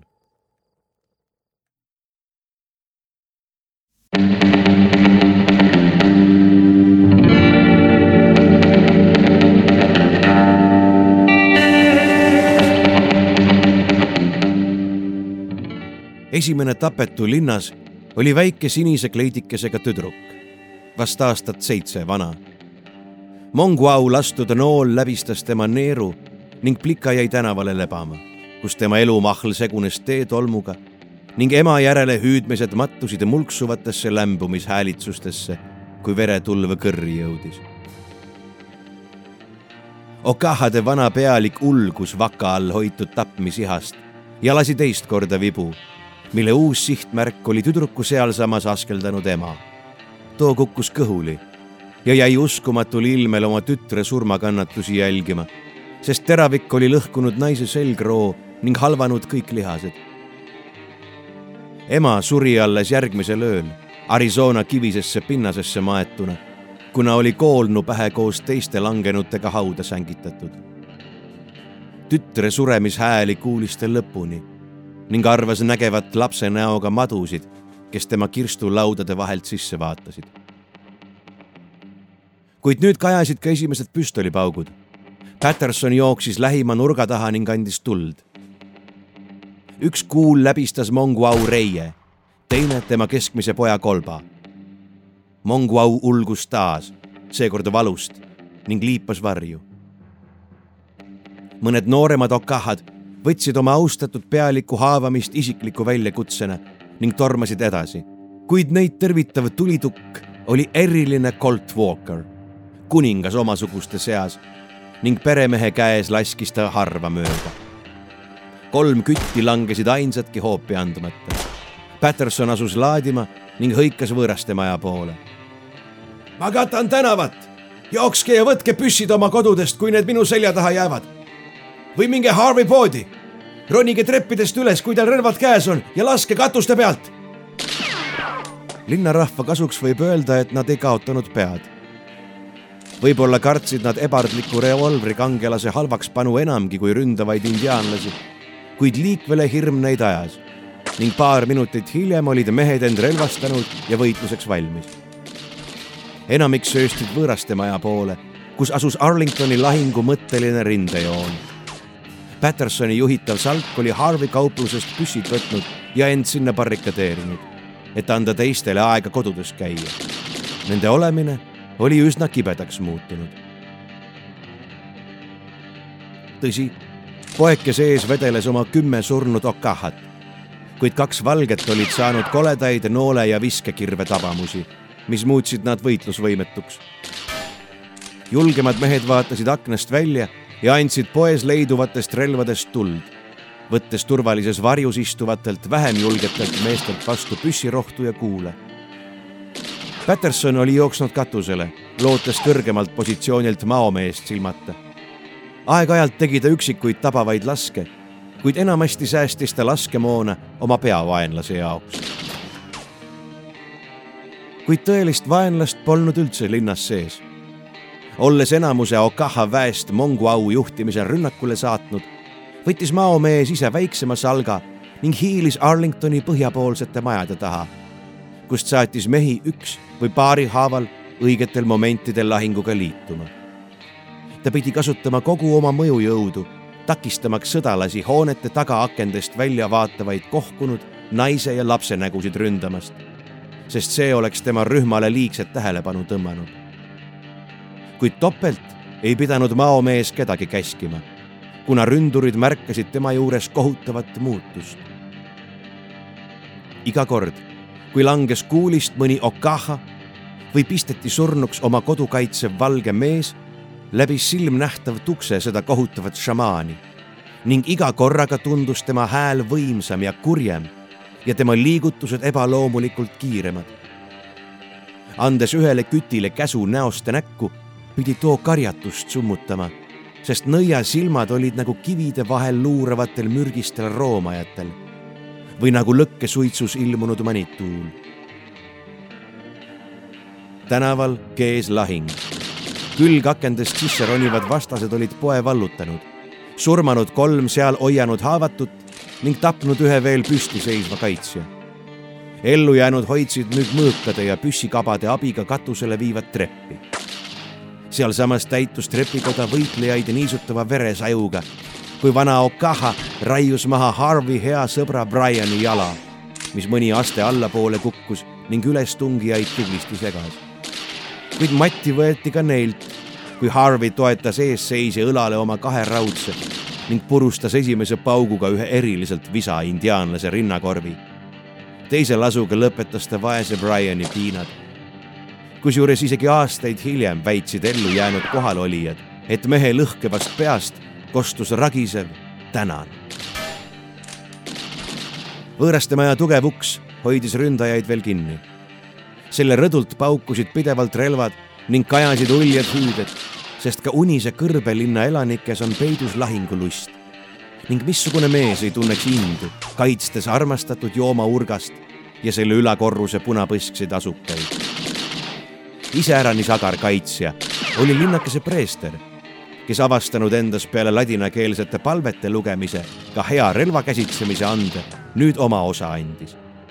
tema eeskuju võitluses kus ta musta ametikuue küljed vööni puruks rebis, et lihtsam liikuda oleks, pani mitmeidki arlingtonlasi julgemalt tuld andma. ent peale lahingu lõppu kustutas see seik tal igasuguse lootuse pühamehena jätkata. nii saigi endise paater Francosa ilmalik elu alguse Roberti asutuse ülakorruselt, kus tema sõna lahingule järgnenud öödel, kui surnud maetud olid, enam maksis kui kirikus Okahad tänaval hakkasid alla vanduma. katustelt kaela sadav kuulirahe oli talumatu ka neile osavatele vibuküttidele ning aastatepikkune lodev elu ja ohjeldamatu vägijookide pruukimine jätsid keharammule omad jäljed. Viimse hingetõmbeni jäi viskist unistama üks isegi valgete silmis nägus indiaani noormees, kelles võis välimuse järgi leiduda hohokami verd ning keda tabas kaks püstolilasku kui ta oma sihtija poole tomahawki heitma valmistus.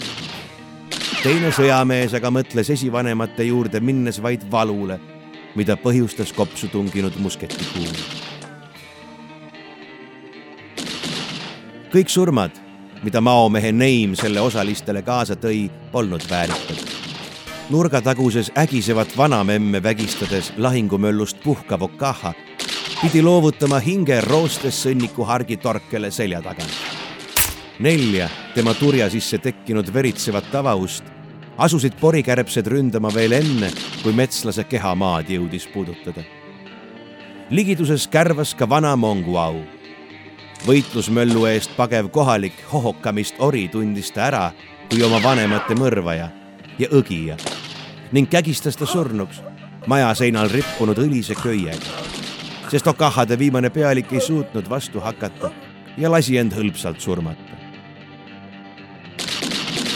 Viimane hoop, nüüd juba pagevatele indiaanlastele, tuli põhja poolt. maomehe juurde jäänud käputäit sõdalasi oli šamaani seisundit nähes haaranud hullus. fanaatilise ulgumisega sööstsid nad ühiselt majade vahele. kui see, keda nad kehastunud manituuks pidasid, neile järjekordse lahingu käsu andis. nähes oma nõia uimas vaid vaenlasi, sööstsid nad kirveid, odasid ja sõjanuge viibutades taganevatele hõimuvendadele kallale ning hakkisid lõpuks üksteist tükkideks nii jubedas verepulmas, et seda pealtvaatavad linlased tulistamisegi unustasid. nõnda lõppes Arlingtoni lahing, kus hävis kogu Okahade järele jäänud meessugu, võttes endaga hauda kaasa vaid kuusteist vihatud valget. ent maomees irvitas endamisi, olles purjus väest, mida andis tema nimel valatud veri ta oli lõpuks valmis oma saagiga rinda pistma. Patterson! kajas möire üle lahinguvälja, kus hiljaks jäänud surijad alles tolmu sees visklesid. maomees tuli jooksuga ringi ümber linna ning jäi seisma Harvey poe taha umbes seitsmekümne jaardi kaugusele. katuselt jälgisid teda lisaks revolvrikangelasele endale veel viis meest kõrval asuva võõrastemaja aknast kõlas püssilask, kuid see tabas indiaanlase jala kõrval maad ning paiskas õhku vaid väikese tolmupilve. sihtmärk ei liigutanudki, ehkki mõnedele pealtvaatajatele tundus, nagu oleks ta lasuga samal hetkel natuke paigast nihkunud. aga öö oli käes ja varjud mängisid igasuguseid trikke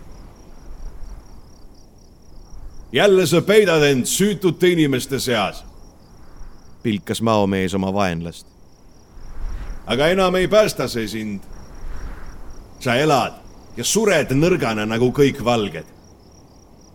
nägin kõiki teiesuguseid, kui ma karavaniga ringi sõitsin. suured Westmanid värisesid ja vandusid ning nende naised heitsid end minu jalgade ette, kui olid näinud kuulsat maomeest puumadega maadlemas ning karusid kägistamas tegemas asju, millega iga Okaha kütt hakkama saab. kõrb võtab ükskord selle linna ja kõik valged ning isegi teie püssid ja masinad ei saa teid päästma. šamaani silmad hõõgusid roheliselt ning tema hääles oli varjamatu viha. veel kolm musketit paukusid majade katustel, kuid maomehe liigutused olid liiga kiired ja kuulid tabasid vaid siuglevaid varje, mis temast maha olid jäänud. sina oled natuke parem kui nemad, Patterson. Sa oled julge varjust ründama ning su käsi on kindel. või kas ikka on? mul on tõesti kahju selle noole pärast, mille ma mõtlematult saatsin. Sandi mehe südame verel pole seda mekki ning vigase sõdalase hingel sama väärtust, mis tervel kuid su elu võtan ma ikkagi. sisistas maomees ning tõstis oma julma kivinoa kõrgele. me võitleme homme kõrbes. Kui sa end siin linnas edasi peidad, hakkan ma öösiti käima ja teid ükshaaval tapma, kuni sina üksi mõnda majanurka järgi jääd. indiaanlase silmad tegid pika kaare üle pealtvaatajate nägude. tema pilk läbistas pimedust ning igaühele tundus, nagu oleks nende hingedesse istutatud hirmu haige madu. andke Patterson välja ja ma pööran oma vaenu mujale. Ärge usaldage seda meest, seda suurt mõrtsukat enda keskele, sest ta ohverdaks teid kõhklemata, nagu ta täna juba küllalt teinud on. jaa, kõik peale teie teavad John Pattersoni tegudest kes ta rüüstas oma ausas võitluses tapetud kapteni pärast vihahoos terve linna ning vägistas ja tappis selle kaitsetuid asukaid, kes ta tuli sõjaga Okaha hõimu vastu ilma mingi vimmata meie vahel. Kas niisugust? püssimehed rõdudel ja katustel vaatasid üksteisele otsa ning heitsid ebalevaid pilke veterani suunas, kes trotslikult seisis, selg sirgu ja käed risti rinnal, eirates räuskavat nõida ning silmitsedes rahulikult pimedust. kuid Harvey, kes sealsamas lähedal musketit laadinud oli, hõikas vait ning tulistas indiaanlase suunas. Meie seisame koos Pattersoniga, nagu tema meie eest seisis, kao minema. siis tuli pilve tagant välja tõusev kuu ning selle hele kiir murdis ussi silmade taia. poodniku kuul ei lennanud küll maomehe ligidussegi, kuid too võpatas sellegipoolest ja pööranud selja, pages uskumatult kiirel jooksul kõrbesse. hüvasti jätuks kaikus vaid kurja kuulutav. homme näeme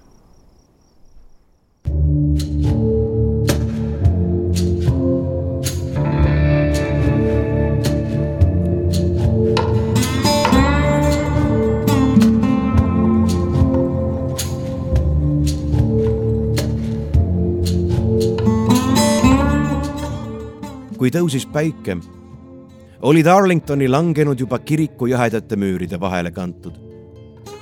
Pattersonist polnud oma haige käe tõttu laipade tassijana abi, kuid ta vahetas mõned sõnad preestriga ning võttis siis Harvey tallist hobuse ja lahkus sõnagi lausumata. kohalikud panid seda vaevu tähele. öösel polnud keegi maganud ning pealegi ootas ees suur töö vedada surnud ründajad linna taha tuleriidale et kojotte mitte ligi meelitada. oli haruldaselt ilus hommik. kõrbe õhk tundus sõõrmetes niiske ja meeldivalt lõhnav, justkui polekski sealsamas lähedal toimunud kohutav tapatalv. üksik ratsamees, klaassilma ja suure kaliibrilise revolvriga lasi oma hobusel laisalt üle maastiku lonkida, sest kiiret polnud tal kuhugi ta ei kahelnudki, et maomees ajas tema jälgi või varitses juba kusagil. ehkki lõõskav päike seda nõudis, ei püüdnudki Patterson jälle mõne kalju varjus istet võtta. Olla lagedal väljal, kus kolmsada kuuskümmend kraadi nähtavust, oli tema ainus võimalus. jälitajale ei tohtinud anda võimalust märkamatult lähedale pääseda, sest see olnuks laskuri lõpp. natukese aja pärast tegi ratsanik siiski peatuse. ta kohendas kaabuserva ja pühkis laubalt higi. kivine pind jalge all oli taas kuum ja kuiv, nagu poleks kastet iial maailma loodudki. leitsakust ei hoolinud ainult suur must vaablane, kelle nõelamine ka vints käima mehe valust röökima paneb temal oli vaja otse Pattersoni silme all kolme tolli pikkust tarantlit rünnata ämblik proovis end päästa maapinna lõhesse ronimisega, kuid ka sealt tiriti ta välja ning veeti minema, et tema karvane keha lendava põrgulise vastsetega täita. Looduse niisugune allegooria võttis Pattersoni muigama. kumb oli tema ja kumb oli maomees? ta haigutas, sest sellised mõtted olid kasutud. pealegi oli temagi magamata ainsaks lohutuseks oli, et samas seisus oli ka vaenlane. kui sellised libardid üldse und vajavad, mõtiskles ta valjusti ja sülitas. Mina pikutasin küll enamuse ööst, kostus õelahäälne vastus.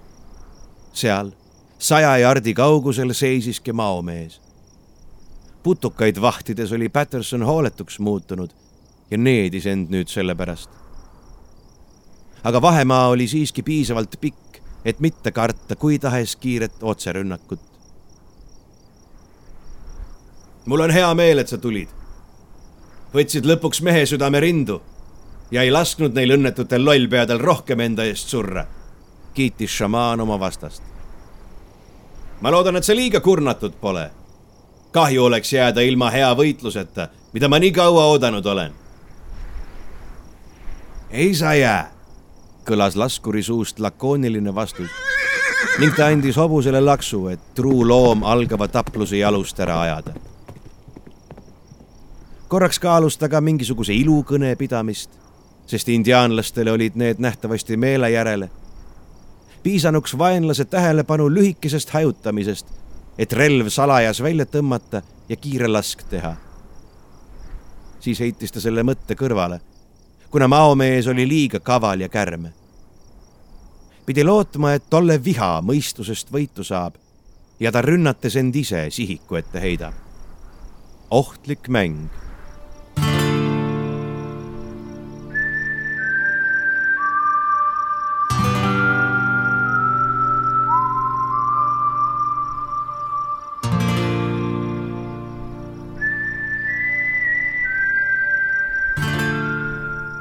Kahevõitlejad seisid nüüd vaikides ja jälgisid üksteist.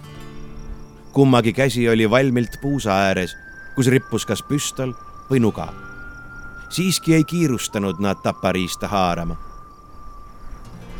pärast igaviku pikkust jõllitamist hakkas Patterson tundma kummalist rahu.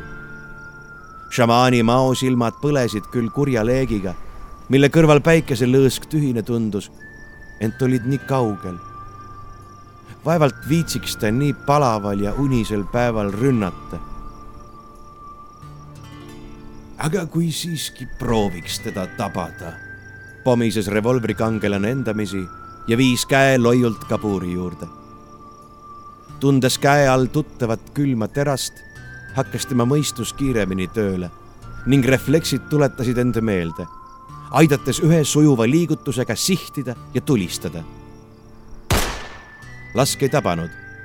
ent sundis maomeest siiski vasakule hüppama ja hüpnotiseeriv pilk katkes.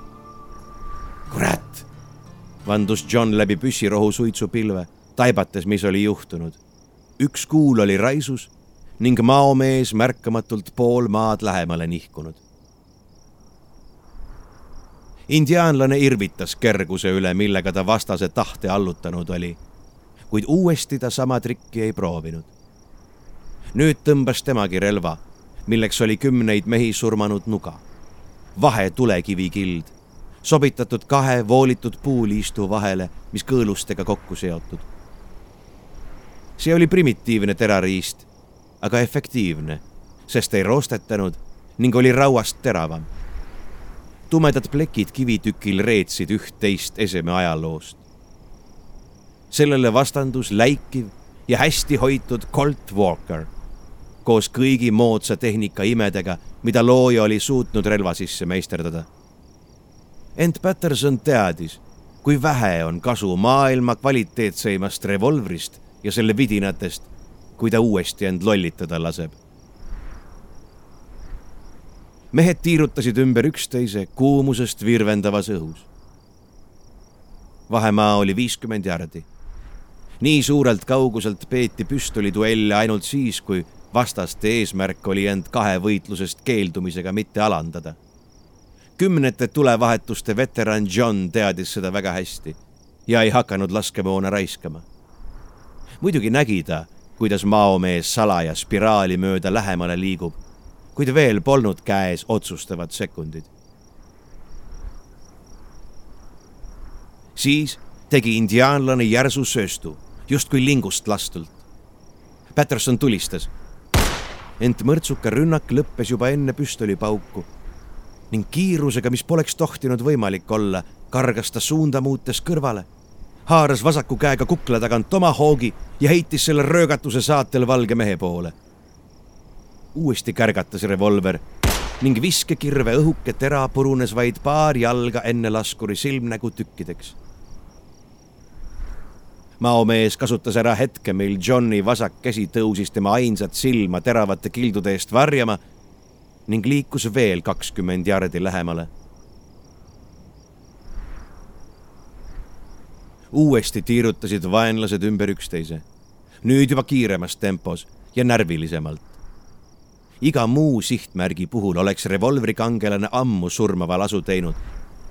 ent sellel pooleldi inimesest pooleldi roomajast jõletisel olid kiiremad refleksid kui alligaatoril. ka maomees oli ettevaatlik, sest hoolimata eilse öö sündmustest ja joovastavast jõust, millega verepulm tema hingekarika täitnud oli, pelgas ta Pattersoni surmavalt täpset relvakätt. too käsi oli pingul, valmis oskuste ülimaks proovile panekuks, ent ühtlasi teadlik, et oli raisanud juba kolm kuuli vastane teadis seda nagunii ülihästi. iga mees läänes oskas arvutada kuue piires, sest just nii palju oli revolvritrumlis laenguid ja mängutäringul tahke. Patterson otsustas initsiatiivi enda kätte võtta. temal polnud saaki varitseva mao kannatlikkust. teeseldes komistust, üritas ta vaenlast uuele sööstule meelitada, kuid tulistas täpselt samal ajal neljandat korda manööver õnnestus. ehkki sihtmärk põikles kuuli lennuteelt kõrvale nagu näinuks ta tinatükikest juba kaugelt tulemas. maomees ründas raskus ettepoole suunatud nuga õieli.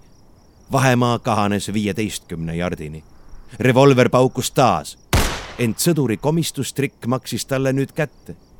tasakaal oli paigast ja viies kuul lendas kahjutult üle šamaani õla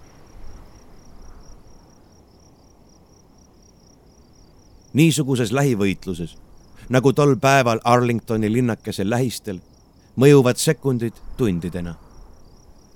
Pattersonil oli aega, et jälgida oma liginevat vaenlast ja imetleda tolle pead pööritavat kiirust ning herakleslikke lihaseid.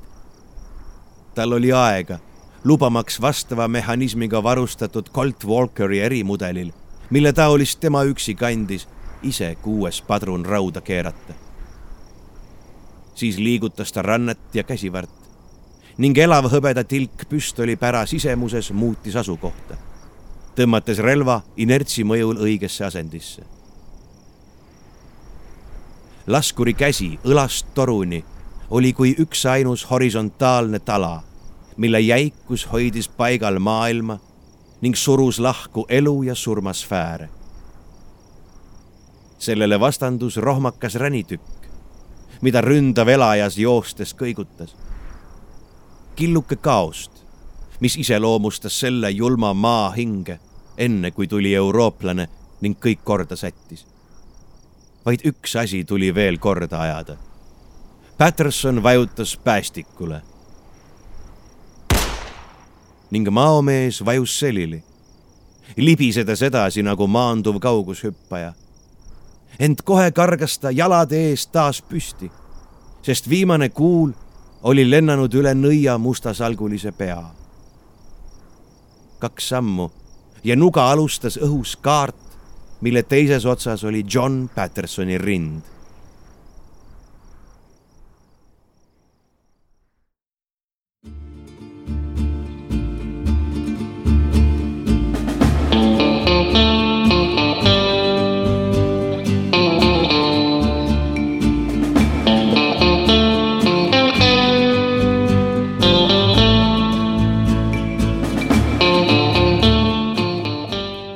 poepidaja Harvey võttis kustunud piibu suust, koputas selle puhtaks otse põrandale, millelt lahingujäljed äsja maha olid küüritud ning asetas oma vööpauna. ta jäi silmitsema teisel pool letti istuva John Pattersoni inetut nägu. kuid too ei suvatsenudki jutustust jätkata, vaid oli oma parema silma kinni lasknud. veterani klaassilm oli pilkumatu nagu alati läbi poe määrdunud akna paistis selle peale keskpäevane päike ning tekitas kera sisemuses kummalisi valgusmänge. pärast vaikuse hetke pani Harvey käe hooletult letile visatud koti külge ning tõmbas selle endale lähemale. raskest kandamist jäi maha niiske jälg, mis imbus puidu kulunud koesse. lett tuli hiljem üle lakkida Harvey avas ettevaatlikult sõlme ja piilus kotte. sealt vaatas talle vastu lai indiaani pea, mõnede näole kleepunud mustade juuksekahludega. surnu suule oli tardunud irve, mis niisama kuri kui mees eladeski ning lõusta ehtisid kaks pärani silma. roomajalikkust oli nii nende välimuses kui liikumatus pilgus, mida maomees isegi läbi teispoolsuse saatis elu näinud poodnik kirtsutas nina, sidus köie kiirelt uuesti sõlme ning saatis süljeläraka vihaselt otse põrandal oleva tuha sisse. ei kannaks mina seda jumala teotust läbi kõrbe. makstagu selle eest või terve toatäis kulda. ma viin ta Tucsonisse. jumal teab, et mul on raha vaja ma olen kuulnud, et idarannikul on väärt arste, kes mõistavad igasugu hädasid terveks ravida. oma silma ma tagasi ei saa, aga vasak käsi õnnestub äkki korda teha. maomees võlgneb seda mulle, muigas Patterson. poodnik ajas oma järil selja sirgu, pühkis käega üle lauba ning küsis. seda küll aga sa räägi ikka oma jutt lõpuni. Kuidas sa ta täpselt maha said? sa mainisid, et ta sööstis sulle oma noaga otse peale. jah. ta loendas minu laske. ja teadis, et ma ei jõua relva uuesti laadida. ning mina teadsin seda samuti. Harvey, maomehel oli õigus. see, mida ta meile pärast lahingut karjus et me olevat igas mõttes tema taolistest nõrgemad. Et meid päästab ainult meie tehnika, meie püssid ja kahurid. see kõik on tõsi. mäletad, ma rääkisin oma revolvrist ja täiendustest, mida ma sellele teha lasin.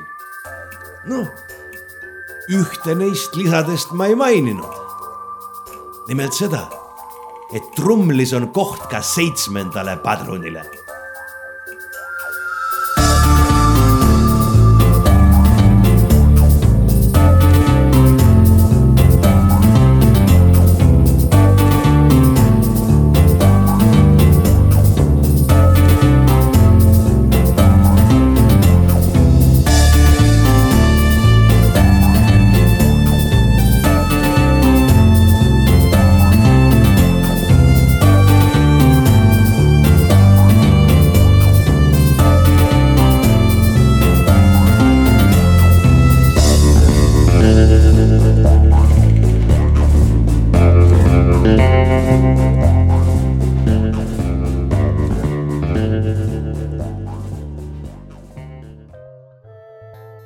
ja ongi selleks korraks kõik. tuletan teile meelde, et osaleksite meie Facebooki küsitlusel. kui võimalik, hakake meid toetama leheküljel patreon.com kaldkriips tumedad tunnid. ka meie toetajatele ilmub järgmise nädala lõpupoole uus osa sarjast Tumedad tunnid ekstra, mis seekord sisaldab kolme tõlkelugu. jagage meid oma sõprade ja vaenlastega. kõhedate kuulmisteni